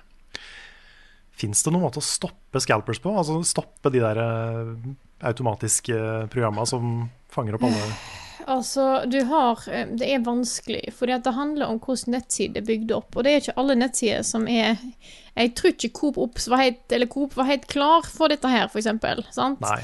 Og, og til og med de store nettsidene blir jo, blir jo hacka rundt dette her. Sant? Så jeg vet ikke om det finnes god måte å gjøre det på, egentlig. Og da er det Nei, det- synd. Det er irriterende. Mm. For det er liksom, En ting er å sette på sånn maks én per kunde, men det er jo sikkert 40 000 forskjellige kontoer som driver og refresher og kjøper til forskjellige adresser, kanskje til og med. Jeg vet ikke. Ja, men ikke bare det. De hadde jo Jeg kjenner jo ikke til dette her i, i detalj, men måten det ble forklart på, så var det sånn at før salget åpna hos disse elektronikkbutikkene, så kunne noen av disse folka her gå inn i nettbutikken og plassere PlayStation 5 i handlekurven sin. Også før det ble åpna opp for salg. Ah. Eh, og de kunne legge på mange flere og kjøre det gjennom prosessen eh, før det ble åpna, da. Dette skjedde jo annet hos uh, Coop, men Coop har jo sagt at de har sletta de bestillingene. Men de har sikkert ikke fått med seg alt, Nei, tenker jeg da. Mm. jeg. Altså, de har sikkert stoppa noe av det. De har gått manuelt inn i bestillinger og sagt dette er jo ikke greit. Men uh, det, det, det høres ikke ut som de har noen automatiske systemer som bremser disse tingene her, da. Så, så ja. Men det, vi har fått noen spørsmål som er knytta til Fordi uh, konsollanseringen er jo fortsatt veldig veldig ferskt for mange. Så eh, de spørsmålene syns jeg var eh, verdt å gå innom i nyhetsbolken her. Um, et spørsmål er fra Stig Nysveen på Patron, som eh, lurer da på om eh, Det har vi svart på før, men det, det, vi får det spørsmålet igjen og igjen, så jeg vil svare på det igjen. Mm. Kommer det lave salget av PlayStation 5 og de nye Xboxene til å påvirke hva dere kommer til å fokusere på? Siden det er så få som har fått tak i disse maskinene, så blir kanskje ting som er eksklusivt til disse konsollene mindre relevant for en stor andel av backerne deres. Har dere gjort dere noen tanker rundt dette? Og svaret på det er ja. Eh, vi vi eh, vurderer ikke eh, også Det viktigste kriteriet vårt er ikke at så mange som mulig skal ha muligheten til å spille disse spillene. Det viktigste kriteriet er å se på spillene som kulturprodukter.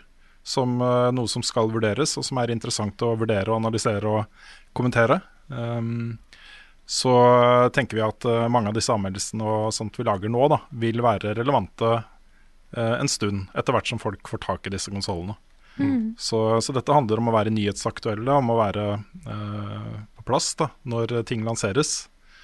Eh, mer enn en ren sånn eh, forbrukerguide på er dette verdt å kjøpe nå i dag. Ja, ja så, og så er jo veldig mye av det vi har anmeldt, i hvert fall til nå, da, tilgjengelig på PS4 og Xbox One også. Sånn som Assassin's Creed er jo det, Pathless er det, og Demon's Souls er vel kanskje det eneste som ikke er tilgjengelig. Eh, Miles Ja, Morales. Spiderman Miles Morales er jo tilgjengelig på PlayStation 4. Det er det. Så, så det, blir jo, det blir nok mye cross-gen framover, fordi det er jo sånn i starten av en konsoll-launch. Men, eh, men ja, det, det handler om å liksom dekke de interessante spillene uavhengig av plattform. Ja, og så er jo disse videoene interessante for både backerne våre og seerne våre også. Det ser vi jo på seertallene. Mm. Det, er- det er jo ikke noe dårligere sett enn andre ting vi har lagd tidligere år. Eh, Snarere tvert imot. Så det er, har en nyhetsinteresse, eh, disse anmeldelsene, som, eh, som er ganske stor. Og så har vi fått et spørsmål fra Philip L på Discord-kanalen vår, som du kan finne ved å gå til discord.gg slash levelupnorge. Um, og spørsmålet er da, hvis vi ser vekk fra deres jobb som spillanmeldere, siden dere hadde hatt andre jobber hvor spillene dere spilte ikke var relevante, kunne dere ha sett for dere å kjøpe de nye konsollene? Eller hadde dere valgt å stå over, hvis ikke bare for en stund, og heller holde dere til de allerede har av um, til det, de dere allerede har av PlayStation 4, Xbox One, Switch og PC? Jeg syns det var et godt spørsmål, fordi um, vi er jo i en litt sånn uh, privilegert situasjon. Hvor vi ikke bare får konsoller, uh, men vi får det til uh, før lansering. Du fikk det også før lansering, Karl, til slutt. Ja, så vidt. Så vidt.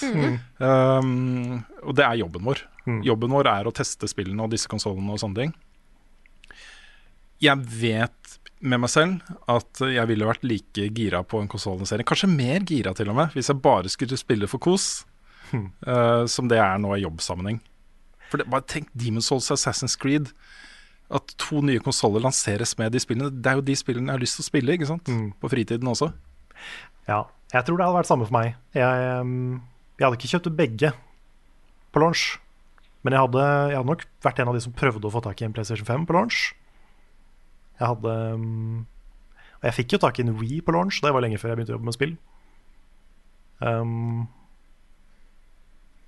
litt mer usikker på Xbox, i og med at jeg har en gaming-PC som jeg sikkert også ville hatt. Så um, hadde jeg kanskje i hvert fall venta litt med å kjøpe en Xbox til det kom noe som var eksklusivt, som jeg måtte ha Xbox for å kunne spille. Men jeg hadde i hvert fall hatt en gaming-PC, en PS5 og da en Switch. Jeg hadde nok venta litt med PlayStation 5, tror jeg. Eh, av den grunnen at jeg ikke er så interessert i de spillene som har kommet nå. Eh, så da tror jeg kanskje jeg hadde avventa litt, grann, både for å eh, Altså, jeg hadde nok sikkert forhåndsbestilt, sånn som jeg har gjort nå, men jeg hadde ikke stressa like mye eh, torsdag 19. med å prøve å komme meg inn på nettsiden for bestilt, eh, som da jeg gjorde. Eh, Det hadde ikke blitt, blitt like forbanna som mange blir når de ser Linni Meister med en PlayStation 5. oh, nei, så, jeg, eh, så jeg, jeg tror kanskje jeg hadde venta litt med det. Eh, nå er det Dette er jo første PlayStation-konsollen jeg prøver å få tak i på launch. Jeg har ikke vært Mm. så inne i PlayStation sitt spillbibliotek sånn egentlig før eh, Jeg har jo hatt PlayStation 3 eh, og kost meg mye med spillene som er der. Eh, men det var jo liksom med PlayStation 4 at jeg virkelig har havna litt mer inn i de eksklusive titlene som har vært der. Så jeg Mm. tror jeg fortsatt hadde prøvd å få tak i, men jeg hadde ikke vært superstressa. Nå føler jeg liksom at jeg bør Jeg skulle gjerne hatt en, eh, på en måte. Fordi, fordi det er jobben vår. Ja. Men nå får jeg bare ta det når det dukker opp. Fordi at akkurat nå så er det ikke noen kritiske spill som jeg burde ha spilt. Selv om jeg har jo veldig lyst til å spille Astros Playroom. Det er ikke det jeg sier. Men, eh, men, men eh, jeg tror jeg hadde avventa litt med PlayStation. hadde jeg nok. Mm. Hva med deg, Svendsen? Hadde du kasta deg over stått først i kø? Nei, jeg hadde vel ikke det. Um, jeg har vel egentlig aldri vært noe sånn veldig um, Veldig eh, supersulten på liksom å være først ute med releases. Annet enn at jeg, jeg fikk vel en Wii relativt rett etter release back in the day. Mm. Men det viser seg at det hadde jo ikke så voldsomt mye for seg, da. Annet enn at jeg Altså, jeg brukte den jo til å spille Wii Sports uansett med det, så det Ja. Mm. Jeg, jeg, jeg tar jo selvfølgelig imot en uh, nå Ligger ikke ned og blånekter? Hva sier du? Du legger ikke ned og blånekter? Nei, jeg, jeg smeller ikke døra hvis plutselig uh, det står en PlayStation på, på, på døra, liksom. Men uh, eh, det, det, det, det, kommer når det kommer. Ja.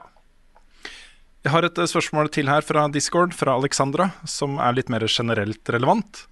Uh, og spørsmålet der er maskin, eh, maskinvarelanseringer denne høsten av både grafikkort og konsoller har vært preget av enorm etterspørsel etter veldig få eksemplarer. Dette har som kjent ført til scalping og veldig mange skuffede kunder, og den samme historien går igjen ved hver nye lansering.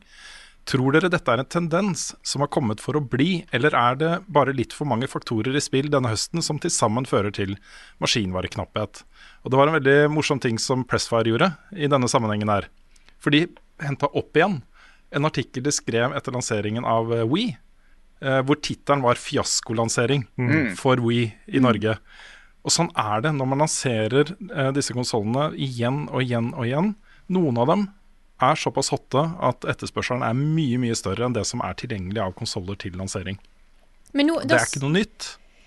Det som er litt spesielt nå, er at det er jo ikke bare konsollene. Det er jo alle skjermkort. Det er alt. Mm. Ja, Vi har en litt spesiell situasjon med korona. Det er mange som, eh, som setter større pris på den type underholdning i hjemmet sitt, eh, og som syns den er viktigere enn den kanskje har vært før. Ja, det Eh, er hvor sant. Pluss at det, Mm. det kan jo være at det har vært litt eh, fabrikkutfordringer for produsentene også. Jeg vil nok tippe at produksjonen er litt redusert nå, ja. Ja, men når både Sony og Microsoft sier at det, de har aldri solgt flere konsoller til lansering enn de har gjort nå, er så helt sant. Ja, men er det med de som ikke har blitt produsert ennå? eh, Godt spørsmål, Karl. Det kan Ja. at de bare er ute med the hype machine. Men de har jo Ja, men har de fått salgstall på ting som er forhåndsbestilt Nei, er av random norske leverandører? Jeg veit ikke. Jeg har ikke peiling, jeg I altså. don't know how to business. Men, Men- men jeg tror ikke Jeg tror ikke tilgangen til konsollene er vesentlig mye lavere enn de pleier å være. Nei, det tror ikke jeg heller. Jeg tror etterspørselen er kjempehøy.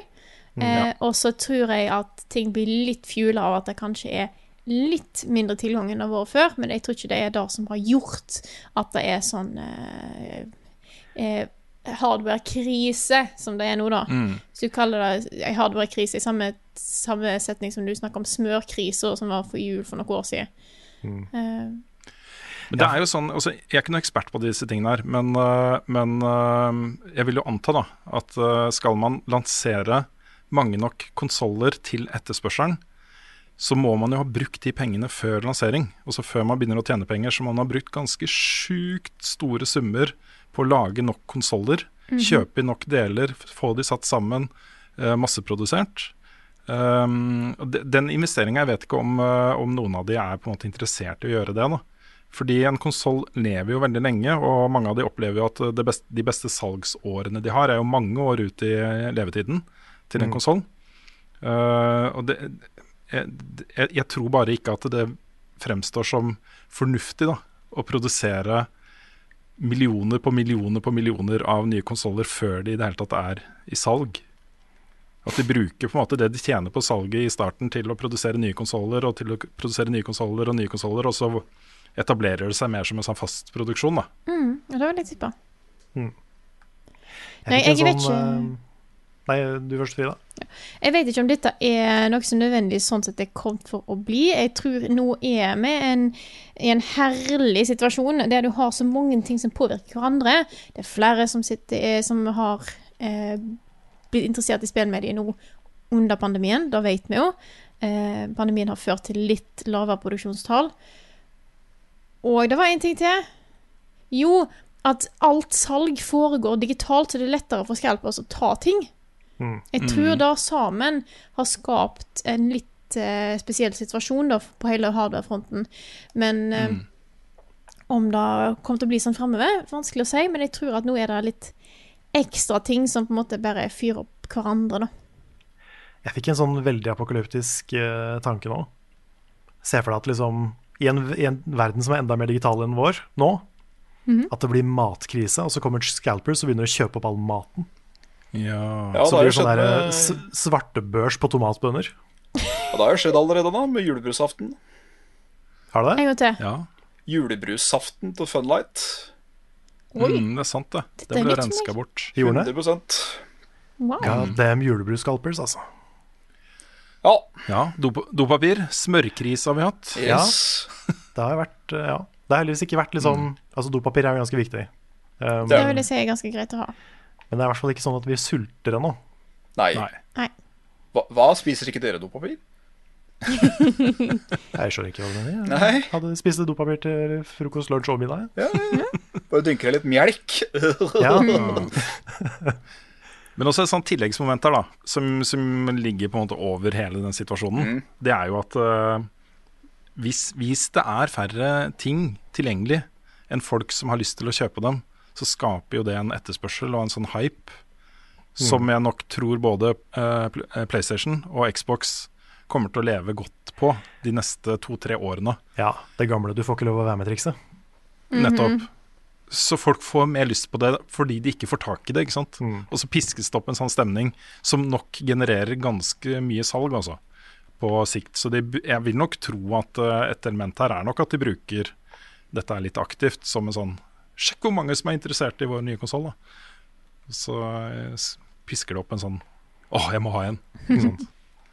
Sånn begjær. Ja. Det kan godt være. Nei, men ålreit. Vi tar noen, noen få flere nyhetssaker. Uh, denne her er jo eh, liten eller stor, litt avhengig av uh, ståstedet ditt, men vi har snakka om det før, med screen-tearing og sånt i Assassin's Creed Valhalla. Det her er litt interessant. Nå har det da kommet en patch til next gen-versjonene som eh, eh, skrur ned FPS-en til 30 Eh, hvis du beholder da maks grafikkinnstillinger og 4K-oppløsning og sånt, så kan du velge å kjøre 30 FPS for å eh, minimere da den type problemer som screen tearing og, og sånt. Du kan fortsatt velge å spille det i 60, men du har, har fått en option da, hvis du sliter veldig med akkurat dette her. Men du har også fått en option om å spille på Xbox Series S i 60, sa jeg. Og det var jo ikke en option i starten. Nei, det er sant. Men nå har du fått den, da, men da med lavere oppløsning. Nei, jeg syns bare det var litt morsomt at det gikk den veien. um, samtidig så er da også Watchdogs Legion multiplayer-delen utsatt til neste år. Der, den skal de jobbe mer med. Uh, Nick og jeg har planer om å finne på morsomme ting sammen der. Kult. Uh, dette er jo en sak som har litt større uh, utbredelse enn bare spillbransjen. Men nå har da Square Enix uh, gjort det samme som Microsoft gjorde litt tidligere i år.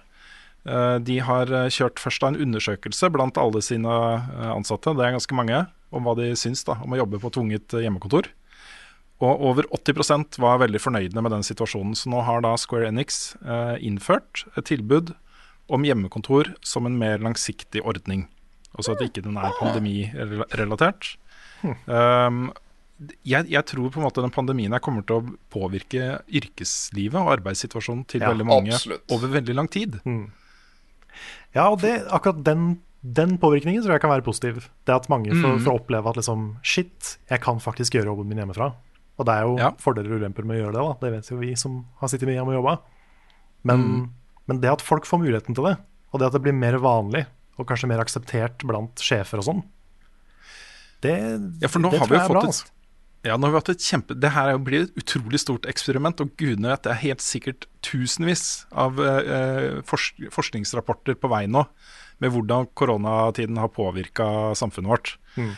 Og hvis da bedrifter ser at øh, vent litt, vi er jo like effektive og produserer like bra, kvaliteten på det vi lager er øh, like bra, eller kanskje i noen tilfeller til og med høyere, eh, selv om folk sitter hjemme og jobber, så er det klart de kommer til å endre oppfatningen av hjemmekontor. Mange har den oppfatningen av at eh, hvis folk er på hjemmekontor, så sitter de bare og suller. Men jeg har en, eh, kona mi sitter jo på eh, naborommet når jeg har mitt hjemmekontor, og jobber så det spruter. Jeg kan høre det liksom knaker. Hun jobber jo kjempebra på hjemmekontor, og jeg tror det er mange som gjør det. da. Og det som er den viktigste, den aller, aller viktigste tingen med det å jobbe på hjemmekontor, er jo at du får mange får en ganske stor andel av livet sitt tilbake. Døgnet har 24 timer. Bruker du, mange bruker kanskje opptil fire-fem timer på å komme seg fram og tilbake til et kontor. For de bor et stykke unna med å kjøre, og det er rushtid og det er trafikk og, og sånne ting. Du får det tilbake tid du kan bruke på ungene dine, eller på kona di, eller på mannen din, eller på eh, hobbyen din, eller eh, hva som helst. da. Og det er en ganske sånn Livskvalitetsmessig er det en ganske stor greie, altså. Så vil jeg bare også si at det er ikke alle hjemmekontor fungerer på. Jeg hater det. Jeg får det ikke til. Jeg må ha den sosiale biten. Jeg eh, skal ha hjemmekontor nå et par, noen uker nå før jul, og jeg gruer meg til det. Ja. Så du har, eh, du har begge sider. Du har det. Så jeg, Det det, det, er, det er mest sagt for, for de som hører på, som kanskje føler at hm, jeg får ikke til hjemmekontor, tenkte jeg bare å si at det er, det er, det er flere av oss. Mm. Ja. Det blir en ny sånn introvert versus ekstrovert ting, tror jeg. Som kommer til å ha mye å si for folk. Sånn de som trives alene, og de som trives i selskap. Mm. Men det har eh, Man trenger jo mindre kontorplass, da. Hvis man har en viss prosentandel av arbeidsstyrken sin eh, eh, som skal jobbe hjemmefra. Så kan jo det rullere. Altså Man kan jo veksle. Være på kontoret to dager i uka, hjemme fra tre dager i uka. Bytte om litt. Altså det, det finnes så mange modeller her da som, som på en måte plusser på den der etablerte sannheten om at jo, hvis ikke man sitter i en, en sånn cubicle sammen med 300 andre i samme etasje, et stort åpent rom, liksom, så er man ikke effektive nok. Jeg tenker Det- selvfølgelig det da jeg- å, å hindre uh, Hindre Minke eh, mengden reising og sånt er jo bare bra for miljøet i tillegg. Så Mm. Det er sant. Ellers må vi gå tilbake Så- til da vi jobba hele dagen og drev og hogde i stein og grav, gravde ut eh, kull og sånn. ja. Det, det var tider. Da, da skjønte vi det. Da skjønte vi det. Ja. Jeg har uh, bare satt opp noen, noen sånn punktvis uh, noen uh, saker som vi også hadde med i spilluka på tidligere uka. Så hvis folk vil vite mer om de, så, disse sakene, så går det an å sjekke ut den. Den ligger på YouTube-kanalen vår, Level Up Nord.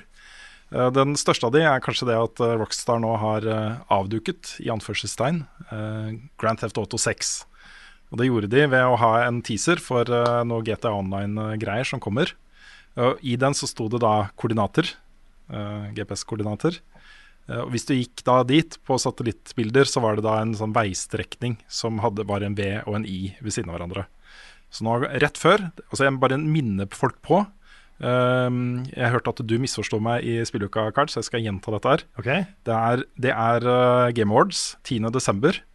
Jeg tror de kommer til å annonsere det. Jeg tror ikke de kommer til å slippe det da, Karl. Nei, nei, men det trodde ikke jeg heller. Ok, nei, for det hørtes sånn ut. Oh, ja, nei, nei jeg, var bare, jeg bare overraska over at du trodde de skulle reveale det så fort. Ja, nei, jeg tror, de, jeg tror de skal det. Hmm. Jeg tror de skal det. Kan Så eh, rett før. Men jeg tipper da, hvis de gjør det, så snakker vi lansering neste høst. Mitt stalltips. Eh, mer Rockstar. Eh, Red Dead Online blir standalone 1.12. Det, I startperioden så koster det en 50-lapp ca. 50-60 kroner. Eh, du vil jo da også kunne spille det via Red Dead Redemption 2, uh, hvor det er en egen multiplayer-modus der. Eh, men det skjer.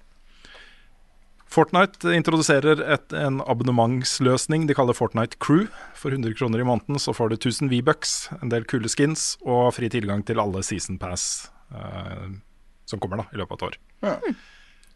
En, eh, ja, vi snakker en del om det i spilluka, så jeg gjentar ikke det her. Men vi syns det var en ganske fin eh, mulighet for folk, eh, foreldre særlig, da, som eh, er lei av maset. Men jeg lufta det for kona, da. Og var sånn Nja, jeg vet ikke helt om han trenger det, da. Så det er mulig at jeg er litt mer positiv enn hun er. Ja, det spørs jo hvor mye de maser om å få V-bucks, da. Mm. Det er jo det regnestykket der. Ah, sønnen min kom nå, vet du. Jeg, nå må jeg begynne oppdragelse. Sånn skikkelig oppdragelse. Han spiller jo alle disse mobilspillene, og det er, jeg har jo ikke hørt om dem engang. Men det er jo ting som bare sprer seg, ikke sant? fordi en kompis på skolen har lasta det ned, og så vil han også ha det, og så får han teste det. De er jo gratis alle sammen. De er jo reklamefinansierte og eh, mikrotransasjonsfinansierte. Så det er lett å si ja, da, fordi han får ikke lov til å bruke penger på det. Men han, når han begynner å snakke varmt om, om lootboxer, så blir det sånn Vent litt, dette her begynner å gå gærent nå. det er sånn, ikke sant, For du får sånn her kiste, da. Når jeg åpner den, så er det, er så kule greier. Og, ikke sant? så det skal jeg ikke ha noe av. Ta og Legge hånda på skulderen, så. Nå, sønn, nå skal vi snakke om lydbokser. Ja, nå skal vi ha nettopp, the talk. Ja. Ikke sant? uh, mulig vi kommer innom det i spillskolen også, serien vår. Um, og så har da HBO gitt uh, grønt lys til TV-serien basert på The Last of Us. Ja. Stemmer. Mm. Vi har litt spekulasjoner da rundt uh, hva den kan handle om også i, uh, i spilluka. Eh, jeg er smått optimistisk. Jeg hadde en liten diskusjon med eh, Benjamin fra VGTV på, på Twitter, for han var veldig gira.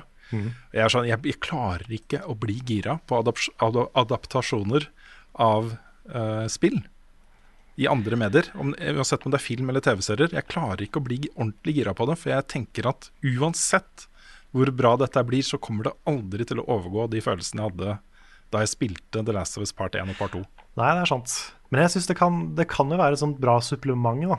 Sånn som eh, jeg, For jeg var litt på samme sted som deg. Men etter at jeg så Castlevania på Netflix, Ja. så begynte jeg å tenke at liksom, shit, dette her har jeg lyst til at skal skje med alle spill. ja. Så, tenk, så tenker jeg også, hvis, hvis den serien blir bra, så kan det jo lokke flere til å sjekke ut historien i spillet. Mm. Ja da, det er bare oppsider ved at den blir bra, hvis den blir bra. Jeg tror jo det er potensial for at den kan bli det. Jeg syns eh, The Witcher-serien på Netflix synes jeg var helt OK. OK pluss. Ja, for det, jeg tenker at det er Witcher som har inspirert mye av det her. Ja, Altså, det det, tror jeg er jo veldig mange serier som har fått eh, greenlight, på grunn av, sikkert mye pga. Witcher. Det tror jeg Men, også. men jeg er litt enig i at den var bare OK. Ja, men den var OK pluss, da. Jeg likte Ja, den. Ja, det var ikke, det var ikke dårlig, men, eh, men det var ikke sånn jeg, jeg går ikke rundt og Jeg får sove om nettene uten å tenke på sesong to, liksom. Jeg begynner ikke å gråte med alle de utsettelsene som har skjedd med produksjonen der. Nei. De har stoppa produksjonen to ganger nå, tror jeg, pga. korona. Mm. Men, eh, men hvis det skjer med Lovecraft Country, da er det verre. ja, det er sant. Du vet hva jeg kom på nå? Jeg har ikke sett siste episoden av Lovecraft. eh, Country. Det er så bra, den serien er så bra. Det, det, etter at disse konsollene kom inn, jeg satt alle alle TV-seriene mine på pause. Så jeg, er liksom, jeg har én episode igjen av Lovecraft Country. Jeg har ikke sett ferdig Fargo sesong fire. Det er liksom His ja. Dark Materials har stått opp igjen. Jeg har ja, jeg har ikke fått begynt Ja. på den engang. Åh, den er masse sesong to. Ja, for den, den sesong én der var jo helt nydelig. Den var bra, den. Det var Det er bra. en adaptasjon jeg kan like. Så ja. Men det var, eh, det var nyhetssakene. Vi eh, går vel videre da, eller? His Dark Souls. Quick, quick, quick, quick, quick quiz. Og quiz er her, den kommer nå. Alle blir med, ja, store og små. Og i dag er det quiz. Carl, du sitter klar. Du har laga en liten quiz til oss. Det har jeg. En veldig sånn hastequiz Mhm. som jeg lagde en time før vi skulle spille inn i dag. Så den er litt sånn Jeg har ikke 100 fact-sjekka alt, men jeg, tror, men jeg tror det er riktig. Ja, det veldig betryggende da, Kai. Ja. Veldig betryggende. Nei, fordi jeg har liksom googla litt kjapt, og det er jo ikke alle de fun fact-sidene og sånn som har 100% riktig informasjon alltid. Men jeg Nei. tror det skal være riktig. Mm. Så får vi heller bare ta en correction på det seinere. men det interessante her er jo at eh, du sier at dette skal være en eh, sånn som vi pleier å ha quiz, der vi eh, skal si navnet vårt når vi vet det. Og eh, vi har litt eh, jeg, jeg har litt internettproblem i dag, så jeg har en del delay. Eh, så jeg er veldig spent på dette her. Så jeg bare setter på meg selv at jeg har det som et handikap i dag. Uh, Du har det? Ja, Mhm. så hvis jeg gjør det dårlig, så er det derfor. Men det kan jo være hvis det har vært litt rar uh, flyt i podkasten, så, er det- så er det internettet mitt sin feil. Så eh, så eh, jeg er sint på internett i dag. Men det får, det får bare gå, og så får quizen gå som det går, og så eh, har jeg noe å være bitter på etterpå. Så hvis det, hvis det har hørtes ut som vi har avbrutt hverandre veldig mye, eller at Frida har avbrutt oss, eller vi har avbrutt Frida, så er det ikke fordi vi er sånn passiv-aggressive på hverandre. Det er bare, det er bare internett som, som er teit. Ja. The Internet Ja. of Things. Yes. Yes. Men da setter vi i gang, ass. Kjøpå. Dette er da, eh, i og med at vi er i en eh, ny konsollgenerasjon, så er det en konsollquiz. Oi. Så eh, temaet er altså konsoller. Og vi starter på eh, spørsmål nummer én her. Og da er det bare å, holde seg, å gjøre seg klare. Det er ett poeng per spørsmål. Ja. Med, med mindre jeg sier noe annet. Eh, første spørsmål er Hva var den første konsollen med full online-støtte for gaming? Frida? Rune?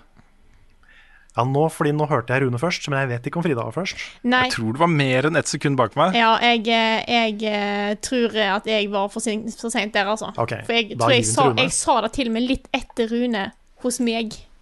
Så, ja, ok, greit. Da tror jeg det var jeg først. Jeg tror det er Dreamcast. Det er riktig. Sega, Sega Dreamcast er helt, helt korrekt. Du hadde også fått poeng for. Apple Pippin. Hæ? Ja, nettopp. For den, den var liksom Jeg tror den teknisk sett var først, men den var liksom en så stor failure at den ikke helt tels i sånne kåringer. Men hva slags av PlayStationene var det som fikk internettgreier? Det var PS2. Ja, for det var den jeg, det var den jeg tenkte på. Men eh, Ja, for jeg også tenker at PlayStation 2 er samme generasjon som Dreamcast, men Dreamcasten kommer før. ja, jeg gjorde det. Mm. Så den var bare litt forut for sin tid, sånn eh, graphically. Uh, neste spørsmål. Hva var den første konsollen som 100% støtta HD? Oi. 100% Rune. Rune? Åh. Sa du navnet ditt før jeg visste? Oi. For pokker, da. Eh, eh, åh. Det, jeg hadde svaret, og så eh, kom det inn en sidetanke. Jeg eh, sier For nå ble jeg usikker hvem av de som ble lansert først. Xbox 1. Altså ikke Xbox One? Nei, Xbox. Den første Xboxen? Xbox. Det er riktig igjen, altså. Wow. Det er, uh, Rune har en tendens til å gjøre det bra på sånne, sånne quizer om sånn konsolltrivia og sånn. Hva var den første konsollen som brukte DVD-er? Frida? Frida? Er det PlayStation 2? Det er helt riktig. Ja. Wow. Det er PlayStation 2. Si det. Jeg føler jeg har sagt Ja. wow for hvert svar, men eh, Hva dere vet. ja. Er, there's still a chance, eh, Svens. Yes. Hvilken konsoll inneholdt en versjon av den samme Motorola-prosessoren som man fant i den originale Mac-en? Det er et veldig teknisk spørsmål. Rune. Ja. Nintendo 64. Det er feil. Å nei. Originale Mac-en. Det er ganske gammelt, da. Det er ganske gammelt. Mm. Frida? Mm, Megadriven? det er helt riktig. Nice! Nå er det likt mellom Frida og Rune. Sega Megadrive, altså. Mhm. Med delay til og med. Nå er jeg veldig imponert, Frida. Ja, dette er Takk. veldig bra. Ja. Bra levert. Og vi går videre. Hvilken konsoll hadde kodenavnet Project Reality? Hva konsoll? Mm. Ja, Svendsen. Ja, Jeg bare må si noe, jeg, siden jeg aner ikke. Uh, GameCube. dessverre ikke GameCube. Nei. Det var Project Rune. Dolphin. Mm. Ja, PlayStation 1. feil. Jeg visste det. Jeg måtte bare si noe. Frida? Mm. Ja, Da sier jeg PlayStation 3. det er også feil. Reality? Da blir det, sånn opp, det blir bare sånn oppramsing, Du kan nevne alle konsollene. Ja, ja. Bare si det, du. Vi har feila på det? den der. Ja. Ja. Svaret er faktisk Nintendo 64. Oi! Oh. Det var Project Reality. Damn. Det var 3D, vet du. Ja, og her er det potensielt to poeng på neste spørsmål. Shit. Da kan du, hvis du tar den her sensen Ja. Det er likt. Hva var kodenavna til Kinect og PlayStation VR? Uh, har ingen anelse. Og det her vet jeg. Det er sånn, du, du vet når du har den informasjonen et sted, Mhm. ikke sant? Det er irriterende, ass. Det er sånn som når du har søkt, på, eh, søkt noe inn i Windows, og du har liksom trykt søk, og så ser du den der grønne baren som beveger seg. Ja, som bare Mm. Men av og til så stopper han. Ja, ja. Mm. Ja. Jeg vet hva, det, det kommer jeg ikke til å komme på. Nei. Ingen som uh, har svaret? Eh, var det Svaret. Kinect og eh, PlayStation VR? Ja. Eh, nei, jeg har, jeg har bare meme-greie. Sorry. ja. Tenk, tenk på han der Milo-kiden, den creepy demonen med han gutten. Ja, for det er liksom eh, Kinect eh, Project You Need This, eh, og eh, Ja, nei. Nei. Eh, ja, ok, da har jeg et forslag på Kinecten. Mm. Molly Nice. Nei, ikke riktig. Ikke riktig. Nei, er det ikke det, altså? Det er ikke det, altså. Nei, Nei. men uh, riktig svar er Kinect het Project Natal. Stemmer det! Og PlayStation VR het Project Morpheus. Ja! Det stemmer også, det. Det ringte veldig kraftig bjelle med Morpheus. Ja, ja, ja. Jeg husker jeg vi prata om back in the day. Mm. Ja, ja, ja, vi har snakka masse om det. Mm. Eh, Hva var den første spillkonsollen som ble brukt på Mount Everest? På toppen av Mount Everest. Frida? Ja. Gameboy? Nei. OK. Svendsen. Ja. DS. Det er riktig! Oi! Det var Nintendo DS. faller. Og en liten fun fact til. Den, Ja. eh, Det var en av de få tekniske duppedingsene som ble med opp, som ikke ble ødelagt. Hei! Yes. Nintendo. Så da vet du det. Så hvis du har ødelagt DS-en din, så har det vært verre med enn det Mount Everest var. Ja, nettopp. Men et lite oppfølgingsspørsmål. Mm. Hva var den første spillkonsollen som ble brukt i verdensrommet? Rune. Mm. Det er eh, Gameboy. Det er riktig. Da leder Rune. Poeng til meg. Og så Hvor mange frames i sekundet kjører Gameboy? Frida? Ja, Jeg er sånn ti? det er feil. Er feil? Mm. Eh, Rune. Mm. Er det sånn åtte? Nei. Svendsen. Ja, 15. feil. Nei, men da, nå gjetter vi bare. Skal vi Ja, men jeg tror eller det er lavt. Jeg, jeg tror det er lavt. Jeg Jeg tror det er under ti sekunder. Ja. Fem, det er jo ikke sånt? Ja, nå, ingen får Nei, ingen nå, får altså, poeng for nå. sitter Nei. vi bare Nei, og. Nei, skal, skal ingen få poeng, eller skal de som er nærmest få poeng? Ingen. Ingen. For da hadde, da hadde det blitt poeng til Svendsen. Men det er, et, det er et litt sånn morsomt spørsmål, fordi svaret er 60. Nei! Seriøst? Gameboy kjører i 60 frames. Tuller du? Hva er poenget med det, da? Nei, si det. Men det, det var i hvert fall ifølge internett, så kjører Gameboy faktisk i 60 frames. Altså. For jeg driver og ser for meg ja, animasjonene liksom på, på originale ja, ja. Pokémon, som er jo bare du, du, du, liksom. Mm. Så jeg bare prøvde å telle. Er det tre frames? Ja, for Én. Det har sikkert mer liksom maskinkraft å ja, gjøre, ja, ikke ja, sant? ja, ja, ja. Men, men faktiske frames, det er sikkert fordi det er en sånn CRT-type teknologi Ja, ja, da, som gjør at du får Mm. flere, ikke sant? Wow, det er faktisk litt kult, da. Så det, det var litt morsomt. Suck it-switchen, eh, eller et eller annet. Yes. Men det siste spørsmålet, det er sånn hvem er nærmest? OK. Så da skal dere få lov å svare alle, alle dere. Nokia påsto i 2003 at de hadde solgt over 400 000 eksemplarer av Engage. Men i realiteten så hadde de solgt hvor mange? 200 000, Svendsen. Jeg tipper uh, 50 000. 145 000. Rune er nærmest, men er fortsatt ganske langt unna. ja. Fordi riktig svar er 5800. Wow. Da føler jeg meg nesten, eh, nesten litt VIP, fordi jeg eide en Engage. Ja, det var en av 5800 som eide en Engage. Jeg vet ikke om dette er gamle tall, da, men jeg tror ikke det er veldig mye mer. De Det var på- innenfor den viss lanseringsperiode, da. Mm. De påstår 400 000. Jeg husker det 400 var en sak også. Ja, For det ble avslørt på det. Dette var jo ting de hadde shippa til butikk. ikke sant? Ja, de det stable på stable på stable på stable med engager i eh, butikker rundt omkring. Og de sier liksom De sier nesten en halv million, og så er det under 6000. det er stusslig. Ja. Men da vet dere det. Svendsen har en Engage. Nei, ikke nå lenger, men jeg hadde. Nei, ok, du hadde. Så du var en av de, en av de få privilegerte som hadde en Engage. Hva spilte du på den? Eh, det var uh, Tomb Raider. Ja. Hva? Det funka fett. Jeg var Ja, men det, eh, det, det ble bedre. Også, det er litt morsomt sånn folk vokser opp med spill og sånt, ikke sant? Og så husker jeg husker sitt første spill, da. Ja, Hvis det var liksom på Engage. Ja, Tomb Raider på Engage. Var, liksom, hvis det var, første, var det første spillet ditt?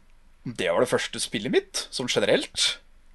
Jeg vet ikke. Hvor Nei, gammel nei, er du? jeg gikk jo på, gikk jo på ungdomsskolen eh, Nei, det gjorde ja, jeg ikke. Jeg gikk på ja, ja. videregående, jeg. Eh, Ja, okay. Hadde Ja, da, er det, da var det et eh, dumt spørsmål av meg. Ja, da spilte jeg World of Warcraft hele pakka. Ja, Men tenk om noen har det som sitt første Ja, spill. Nei, men vet du hva? Jeg var, jeg var hot shit, jeg, av engagen min.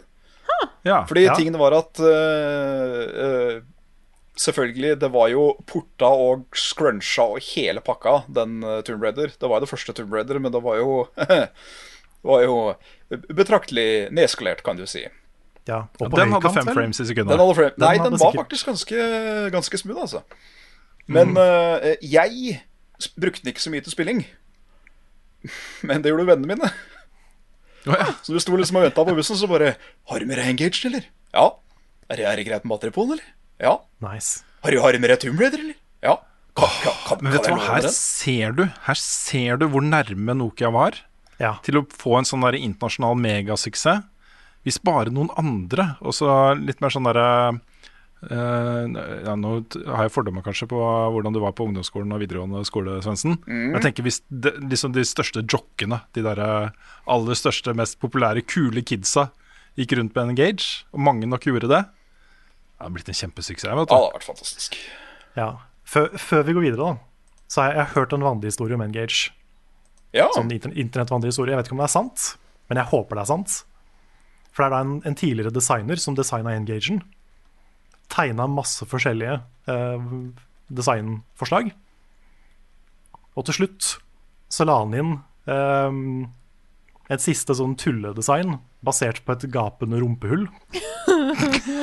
som var liksom altså det der goats-greiene. Ja, dette er et vandrehistorie. må jo Og være det var den de valgte. Ja, Det må jo være en vandrehistorie, Men den ser litt ut som en, et gapende Ja da, men det er en morsom, ja, en morsom meme. Ja, det er, det er nok bare en meme, men jeg har så lyst til at det skal være sant. Ja, Og det var, det liksom, det var en dude som sto fram, men jeg vet ikke om, han liksom, om det var real. da Nei. Men det hadde vært så sykt, sykt funny. Jeg innrømmer at jeg har aldri hørt om Nokia Engage før. Så dette var en eh, mm. eh, Dette Oh, var en eh, sweet summer child. Er skjermet barn. Så dette var en jeg lurer på eh, hva som er den største floppen. Er det den, eller er det Virtual Boy, eller er det liksom Gismondo. er noen Gizmondo. der. Hæ? Gizmondo. Ja, Gismondo kan det ha vært. Var, nei, jeg tror faktisk den ble solgt i hvert fall 50 000-talls eksemplarer. Men Mm. eh, der gikk jo hele firmaet konkurs, og han som styra showet der, han var jo mildt sagt en karakter. Ja. Altså, Engage var litt prototypen på hvordan man på en måte ikke skal bare gå ut ifra at gaming er så hot at bare du heter Nokia, som jo eh, var den største mobilprodusenten på den tida, og kommer med liksom eh, the next generation of mobile gaming, så kommer det til å ta av. Altså, det var sånn prototypen på, på eh, hvor feil man kan ta, da. For de var så selvsikre på dette her. Og de var jo størst i verden, ikke sant. Og etter det, så det ble jo litt sånn begynnelsen på nedturen for Nokia. Selv om de fortsatt er store og selger masse telefoner og, Mm. og sånt, så var det jo ikke eh, altså Det kom jo inn iPhone og masse andre greier etterpå liksom som uh, tok over posisjonen deres, da. Så ja, det var litt sånn trist å se. Ja, de var de var visst ikke like gode på gamingtelefon, gaming, telefon, konsoll-type ting som Rune er i quiz om konsoller. Jeg vant. Du vant. vant. Gratulerer, Rune. Tusen takk. Hva er hennes best, hvor var fredag sist? Har Carl egentlig sopp? Ukens spørsmål. Og første spørsmål er fra en som kaller seg Raccoon. Han skriver Hvem er Sondre som redigerer stream highlightsa deres? Den Og- mystiske Sondre. Å, fantastiske Sondre. Jeg husker Det var jo en eh, stream jeg hadde, så så jeg det noen som satt i chatten etterpå. Der var det en som spurte om det var greit å lage highlights uh, fra videoene våre. Så jeg sa nå ja, det er det bare å gjøre. Og så dukka nå videoen han hadde lagd, opp.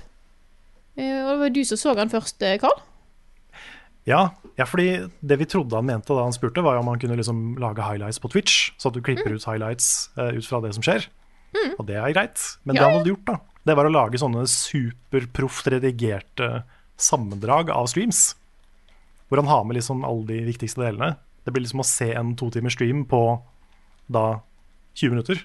Mm. Fordi han har liksom komprimert det ned til det minste det kan være, og samtidig ikke miste noe. da.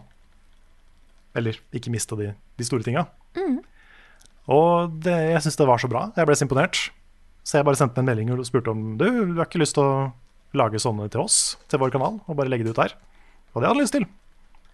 Så det har han gjort med ganske mange streams nå. Ja, Det herregud, kommer jo bare mer og mer, for han jobber jo fortsatt med den 24-timers-streamen. Åh, jeg, du, jeg, bare- hvis du hører på Sondre, jeg, jeg, jeg håper ikke du sliter deg helt ut, altså. Nei, det har jeg også sagt fra om at liksom, jeg håper dette er 100% lystbetont, fordi eh, vi har lyst til å eh, Han skal jo få noe tilbake for det også. Mm. Um, men, eh, men det er liksom Det er mye jobb, og det er intenst med sånne klippejobber, så jeg håper at eh, liksom Mm. Sett, sett deg sjøl først, og ikke Vi blir ikke skuffa hvis det enten tar lang tid, eller hvis noe ikke kommer, eller hva som helst. Nei, det må være lystbetont. Det må det. Men det er, det er jo veldig bra, da. Også så mye bedre enn å bare legge ut hele streams på YouTube.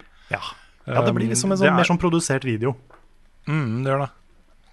Det har vært et veldig løft. Så veldig veldig takknemlig for eh, innsatsen eh, Sondre gjør der, altså. Det er kjempebra. Veldig bra. Så var det rett og slett bare at han lagde ting som var så bra at vi måtte bare ta tak i han. Og få han med. Mm. Og det, det han gjør, da, er at han, han har ikke bare brukt klippa fra streamene. Han har også lagt inn liksom screenshots fra chatten når de stiller spørsmål. Mm. Han har lagt inn liksom bilder eller musikk som er relevant for det vi prater om. Det er helt eh, vanvittig hvor mye jobb han har lagt i det. Altså. Ja, Noen ganger så blir jeg litt sånn imponert over hva slags eh, folk som liksom graviteres inn mot eh, ting vi jobber med. da. Mm. Dukker jo opp liksom stadig vekk nye folk som uh, har lyst til å bidra med ting, og så viser det seg at de er jo kremfolk. Mm. Kjempeflinke. Espen har jo også kommet inn i løpet av ganske ny tid. Sant? Eh, gjort masse, masse bra greier for oss. Det er kjempebra, altså. Mm. OK. Eh, jeg tror jeg bare tar det samme når jeg først er her. Vi har et spørsmål, og jeg trenger bakgrunnsmusikk, Karl. Ukens eh, Potetgull har nå kommet ut i så mange forskjellige smaker at du går helt i surr. Men hva er deres favoritt når det kommer til potetgullsmak? Hva er det beste gamersnackset? Hilsen en som lurer på hvor smak av ribbepotetgull egentlig er. Ikke Og- kjempefan. Nei, det er Nei, ikke jeg, turt. eh, jeg testa den pinnekjøttgreia som òg var, var i fjor eller forfjor. Og den Ja. syns jeg, jeg egentlig var god. Den var helt OK. Nei, den klarte ikke jeg, altså. Beklager. Nei, det er helt OK. Men jeg tar opp dette spørsmålet. Eh, Jeg tar det opp eh, av en grunn, og da er det at jeg så en chips i butikken som hadde champagnesmak. Hæ? Oi. What? Ja. Og What the fuck? jeg, jeg, jeg bare jeg, jeg så at han fantes, tok bilde av den og sendte det rundt til folk og spurte hva er dette for noe. Jeg har aldri lyst til å ta i det. Men en del av meg har lyst til å kjøpe det, Ja. bare for å teste det. Så hvis noen har testa det, så vær så snill, gi meg beskjed. Det er litt sånn som brunostpizza. Ja, nei. Der så hadde jeg hørt om det, og bare det æsj. Nei. Jeg er litt nysgjerrig. Jeg blir til og med litt sånn småkvalm av sånn sjokoladepizza. Å, den syns Ja. jeg var kjempegod. Ja, den ble jeg så Ja, kvalm av. jeg, mer jeg, som skjønner at det er, jeg skjønner at det kan smake kjempegodt, men jeg bare klarer ikke å kombinere de to tingene. Pizza og sjokolade. Nei. Det er jo eh, Altså, den er jo absolutt avertert aventert. Ja, det er det ordet jeg aldri klarer. Eh, som en, en, en dessertting. Det er jeg uten tvil Ja at det er Det er bare masse sjokoladetopping på en kjeks. Mm. Det er det det Hvorfor er. ligger Den sammen med pizza? Det er det som som en er mindfuck. Ja, den smaker som en varm sjokoladekjeks. Det er det han egentlig gjør. Ja. Ja. ja, for den skal stekes varm. Ja, selvfølgelig. Hadde de kalt det varm sjokoladekjeks, så hadde jeg kjøpt ti om gangen. Ja. Åh, Men, Nei, men, folk eh, vet jo hva potetgull. Ja. Ja, Potetgull, ja. Vi har en sånn litt interessant situasjon hjemme. Jeg tror jeg har nevnt dette før. Fordi jeg er sånn at hvis jeg finner en favoritt, Om det er potetgull eller uh, matrett på indiske res restauranter eller hva som helst, så skal jeg bare ha det hver gang jeg er der i den restauranten eller når jeg skal ut og kjøpe chips. Kjøper jeg det som jeg kjøpte forrige gang, og gangen før, og gangen før der igjen. For det er det jeg vet jeg liker det, ikke sant. Mens kona er sånn Hei, champagnesmak. Hvis hun, hun hadde hørt det, hvis hun hadde fått med seg at det har kommet potetgull med champagnesmak, så hadde hun kjøpt det. Og nå høres det ut som hun spiser masse potetgull, hun gjør ikke det. da Det er liksom Vi kjøper potetgull en gang i uka, det er på lørdag. Og Da blir det gjerne til at jeg kjøper øh, til meg, og hun kjøper til seg selv. Og det er så mye rare smaker hun har kommet hjem med. da um, Men jeg er veldig sånn konservativ på sånne ting. Så jeg er veldig glad i paprika. Og så bare vanlig Mårud paprika potetgull. Kjempegodt. Knall. Da hører jeg, hører jeg Jørgen i naborommet skriker Ja! Men jeg har, mine favoritter er de som, eh, som tar utgangspunkt i litt den kombinasjonen. da Med litt sånn krydder, den type krydder og potetgull. Så sånn sweet chili uh, potetgull f.eks. kan være kjempegodt. Eh, men også sånn thai, uh, thai chili eh, potetgull fra Jeg husker ikke hvem det er som har den. Eh, jeg husker ikke, men, eh, men som er litt spicy. Mm. Eh, og så er det den som heter Mexican Fiesta, som også er ganske god. da Den skulle jeg faktisk nevne. Den syns jeg er kjempegod. Men alle disse her er soleklart best med dip. Åh. Ja. Jeg er Jeg har, chipsdipperen sjøl, eh, altså. Jeg har fått en ny favoritt nå. Jeg tror du bare får den på Rema 1000. Og det er eh, Den heter Bondens um, cheddar og løk. Oi. Oi. Den er god. Den er dritgod. Dritgod, ass! Dritgod. sånn Aggressivt dritgod, faktisk. Så det Er det, nesten, er det er det, nesten er det, er det juks å putte tortillachips i miksen her? Nei. Absolutt ikke men det er jo kanskje nesten aller best. Jeg- Med salsa, ja. Ja. For jeg Jeg har eh, kjøpt inn tortillachips og salsa for at jeg skulle spise det. Og jeg har glemt det ut! Å, Fader, altså. nei, ja, men, mener, å ja, for Ja. en hyggelig overraskelse, Ja. Jeg er egentlig kjempefornøyd med at jeg kom på at jeg har det.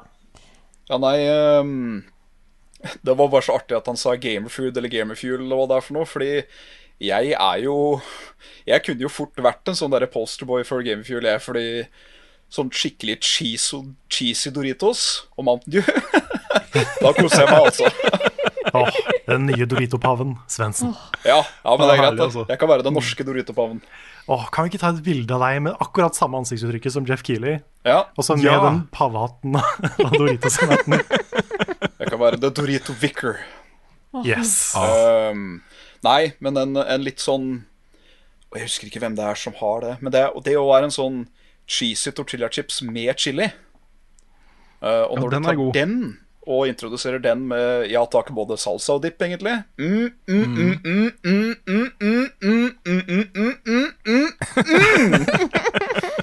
Det var mange m-er. Ja, det er illa god i munnen, altså. Ja, Det høres veldig godt ut. Men jeg må òg slå et slag for Sørlandschips spansk paprika. Den er en av mine favoritter. Ja, den er, Den er god. Det, den var fast eh, hos meg lenge, til jeg på en måte gikk litt lei av den. Så eh, bytta jeg. Og så Men, ostepop. eh, ja. Ja. Den er fortsatt god. Shout-out til ostepop. Å, fy fader. Jeg har òg en på ostepop. Jeg har vært veldig svak for snacks i det siste, så jeg har jeg har òg en pose ostepop i skapet. Å, herlig. Så, ja. Vi fikk jo nesten en liten sånn uh, familiekrise, da. Uh, Potetgullbasert familiekrise hjemme hos oss.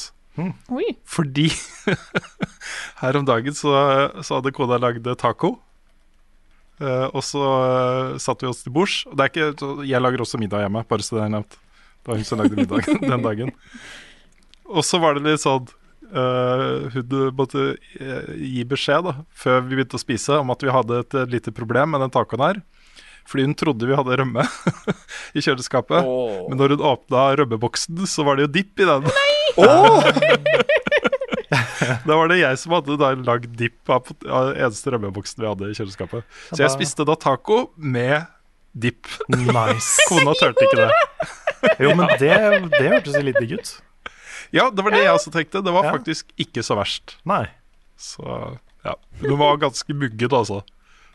Det er sånn Når det mangler en ingrediens til taco, så blir man litt muggen. Ja, jeg Ja, sånn, ja. Det, var, det var ikke rømma som var muggen.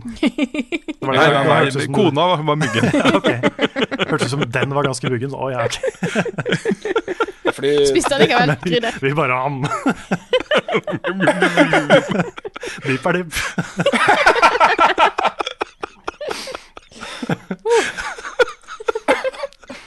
Sexy. Nei, men uh, det, det må jeg si. At uh, for meg så er, uh, er rømme så viktig til tacoen at eh, det, det, det blir ikke taco uten rømme. Hmm. Men uh, dipp kan være god nummer to, altså. Ja. jeg, jeg kan være med på den. Ja, jeg liker For det er sånn- fortsatt ganske mye rømmesmak igjen i den. Ja, ja, ja. Selv om det Ja, ja. er også dips, dipsmak. Så. Hvor var du da Rune casual innrømmet at han, også drev og spiste råtten dipp? Eller muggen dipp?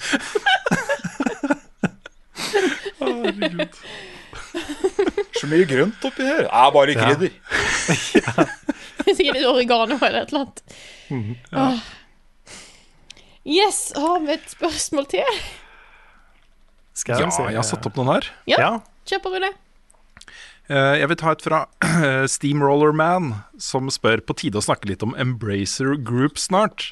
Hva tenker dere om alle disse oppkjøpene de driver med? Og dette er jo et eh, svensk selskap basert i Karlstad. De Ok. har eh, de har jo kjøpt opp det ene spillstudioet etter det andre. Og det de kjøper opp, er jo gjerne da publishere som har utviklerteams under seg.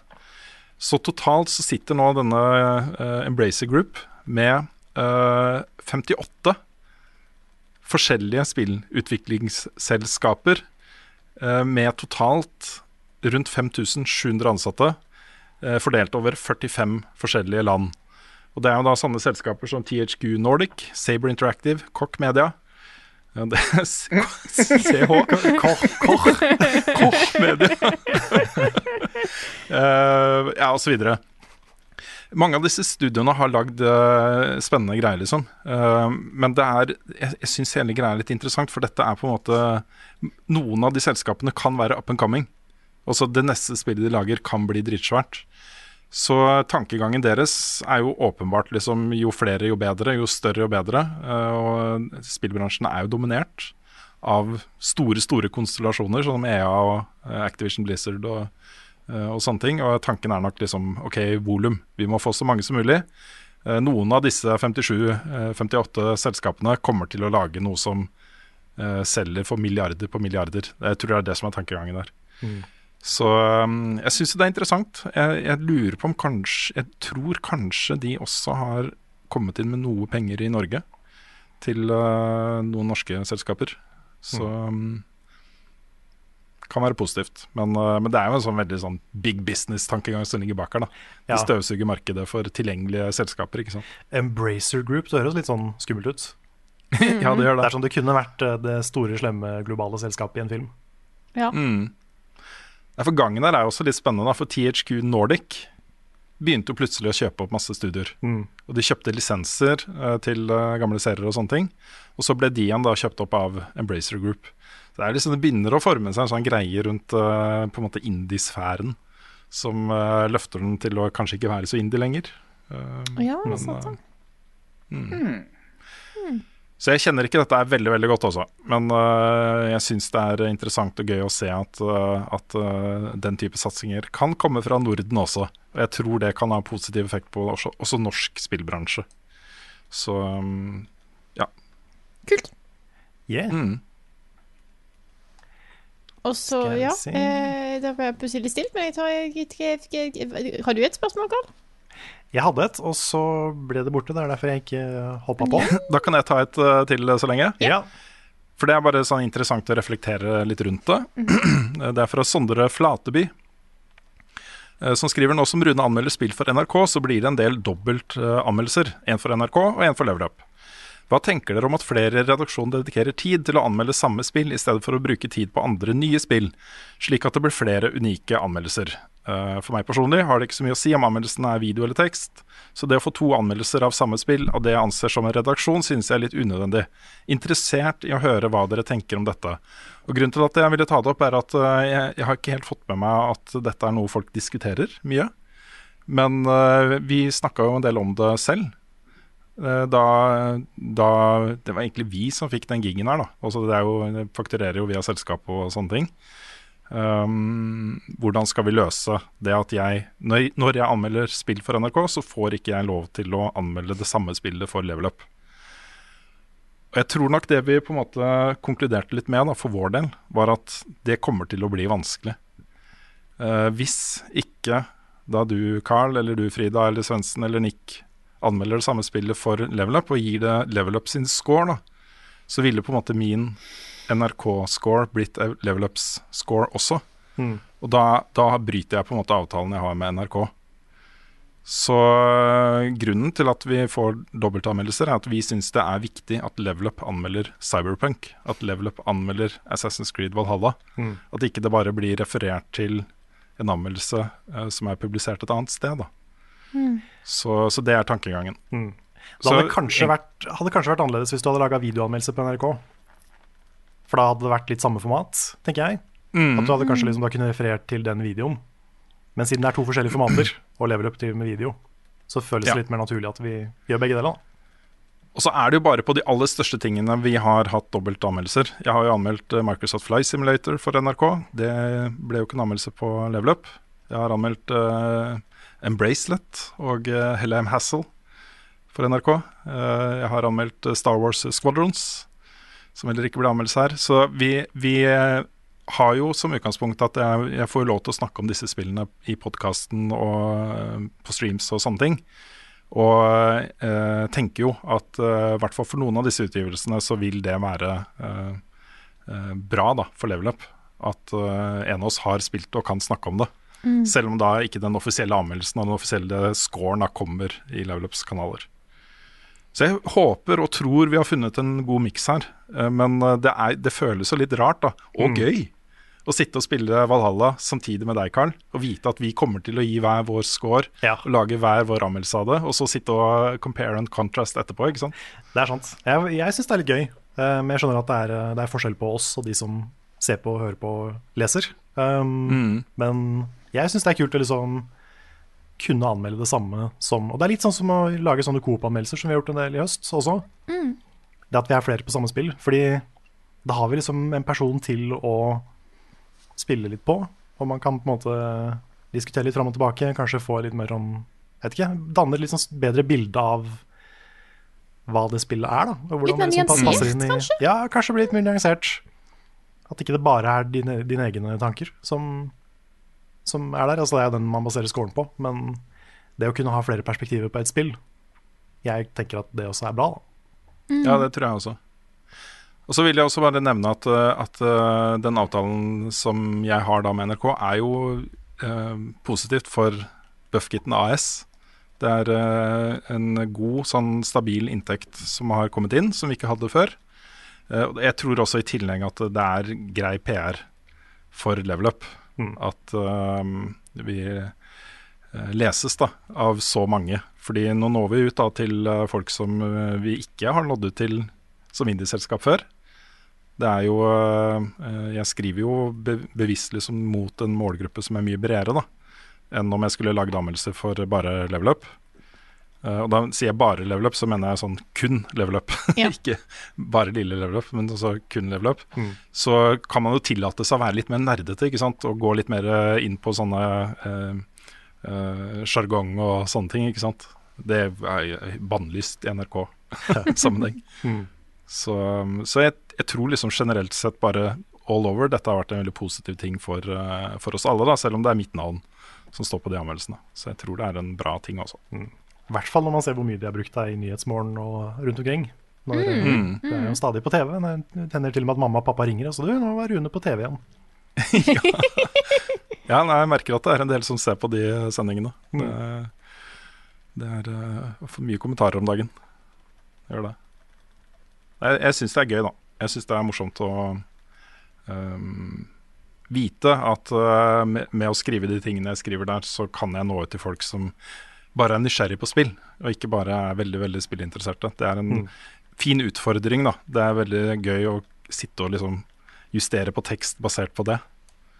Så eh, da må man liksom tenke på en litt annen måte. Og det er, ja, jeg syns det er eh, artig, da. Yes. Jeg, Mm. jeg fant spørsmålet mitt. Kjør på. Bra. Det er fra Dogcrap. Nice. Og han uh, spør, eller han sier først Min introduksjon til Kingdom Hearts var Kingdom Hearts 2. Som du kan tenke deg, så var, var det et forvirrende opplevelse, men også et av de største spillhøydepunktene for meg. Det var akkurat nok flashbacks til at jeg kunne ane sånn cirka hva som skjedde i eneren og Chain of Memories. Har dere noen eksempler på historiespill hvor dere følte dere fikk eller kunne fått mer ut av opplevelsen av å hoppe inn midt i serien? Metal Gear begynte jeg på treeren. Ja. Ja, det er sant, det gjorde du. Det gjorde jeg, og det funka. Mm. Og Det blir litt det samme som med Demon's Souls. da For Mange av de referansene og, og ting som skjer da i Metal Gear Solid 3, er jo basert på at, at uh, folk skal synes Øy! Revolver Oslot som ung mann, liksom. Så fett! Men så får du den omvendte, da hvis det går videre til Metal Gear Solid 1, som det går rykter om full remake av. Det gjør det.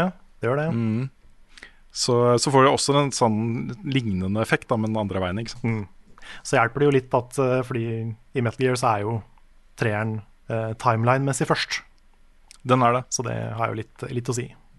Mm. Men eh, Persona, det er en serie som ikke du trenger å spille eneren eller toeren først.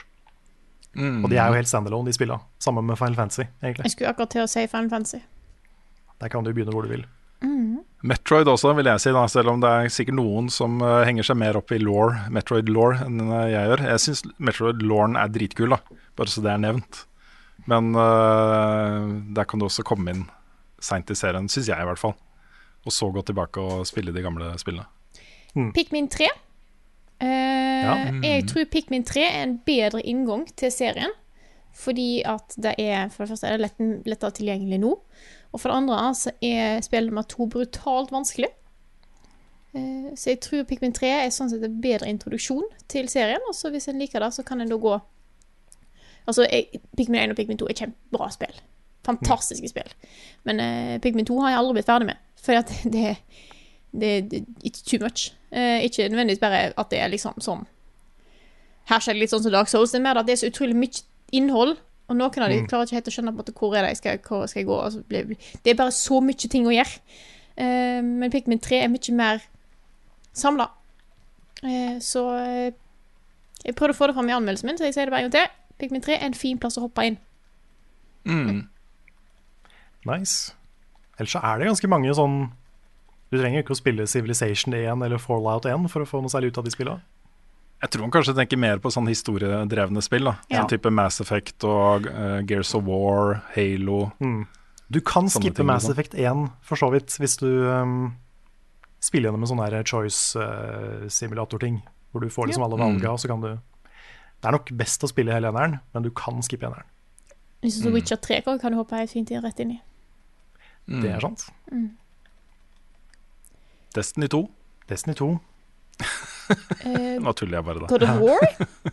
Den nyeste. Ja, God- den nyeste Nei, God of da hadde folk blitt skuffa altså, hvis de spiller uh, nye God of War, og så går tilbake til God of War 1. Det er jo to helt forskjellige Ja, ja, men, ja, ja, men jeg ja. spilte jo ikke de gamle. Jeg elska jo det nye. Mm. Ja. ja jeg oppfatta litt som man lurte på Kan man komme inn i en serie liksom, og så, Ja, sånn, Og så gå tilbake igjen, da. Utforske. Ja, Ja. det, Ja. ja. Hmm. Da står Pikmin 3 fortsatt. Mm. Men uh, God of War er også et godt eksempel da, på et spill som kan stå godt for seg selv, og som samtidig refererer tydelig til hva som har skjedd tidligere. Mm. Så, men jeg tror nok det er en eh, del av uh, hendelsene i det spillet som nok har sterkere effekt på de som har spilt uh, de første spillene.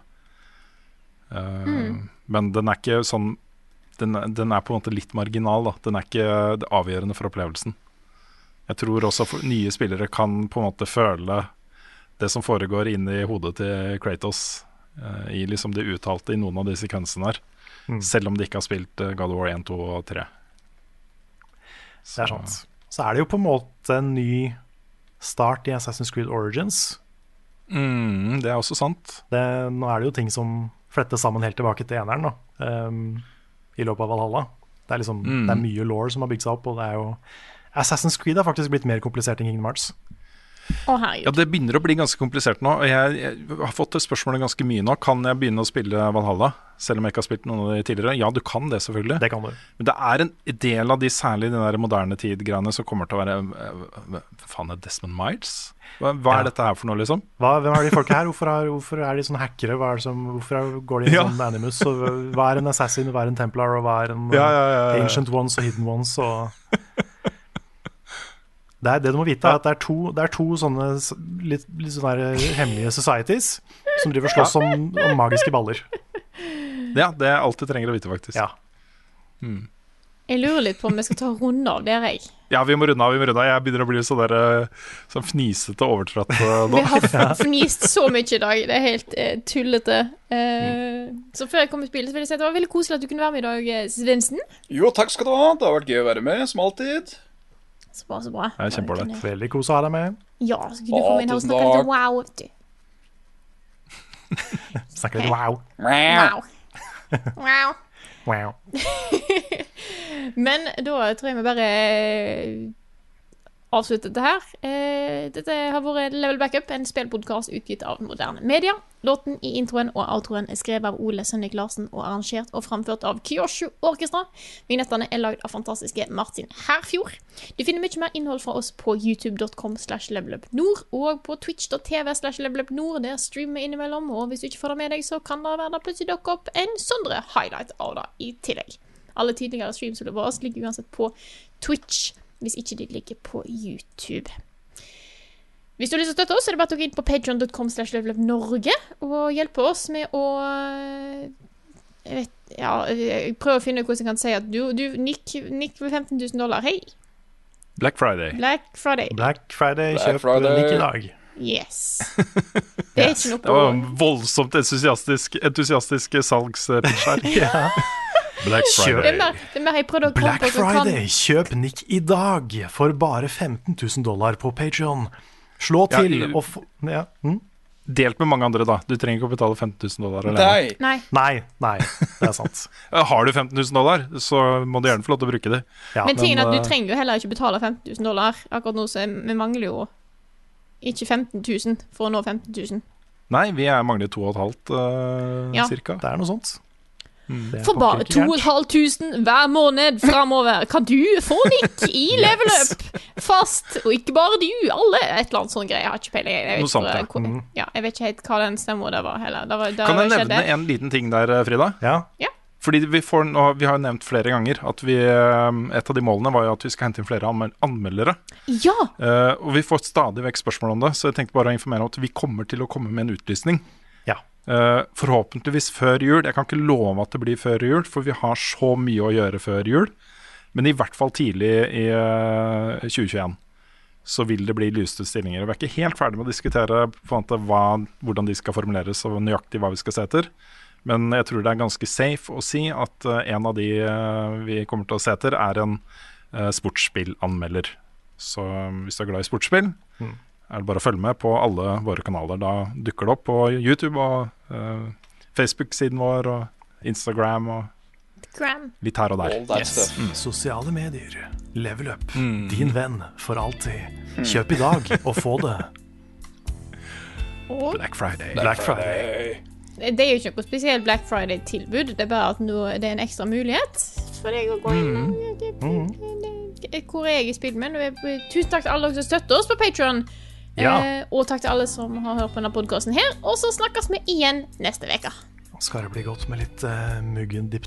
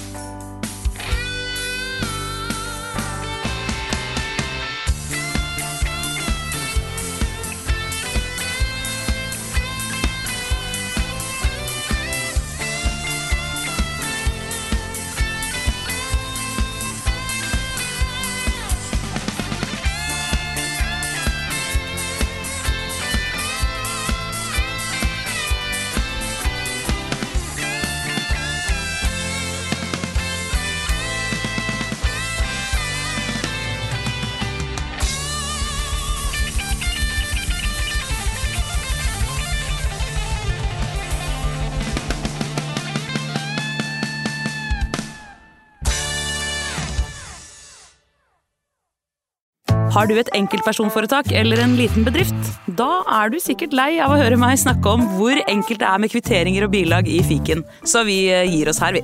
Fordi vi liker enkelt. Fiken superenkelt regnskap.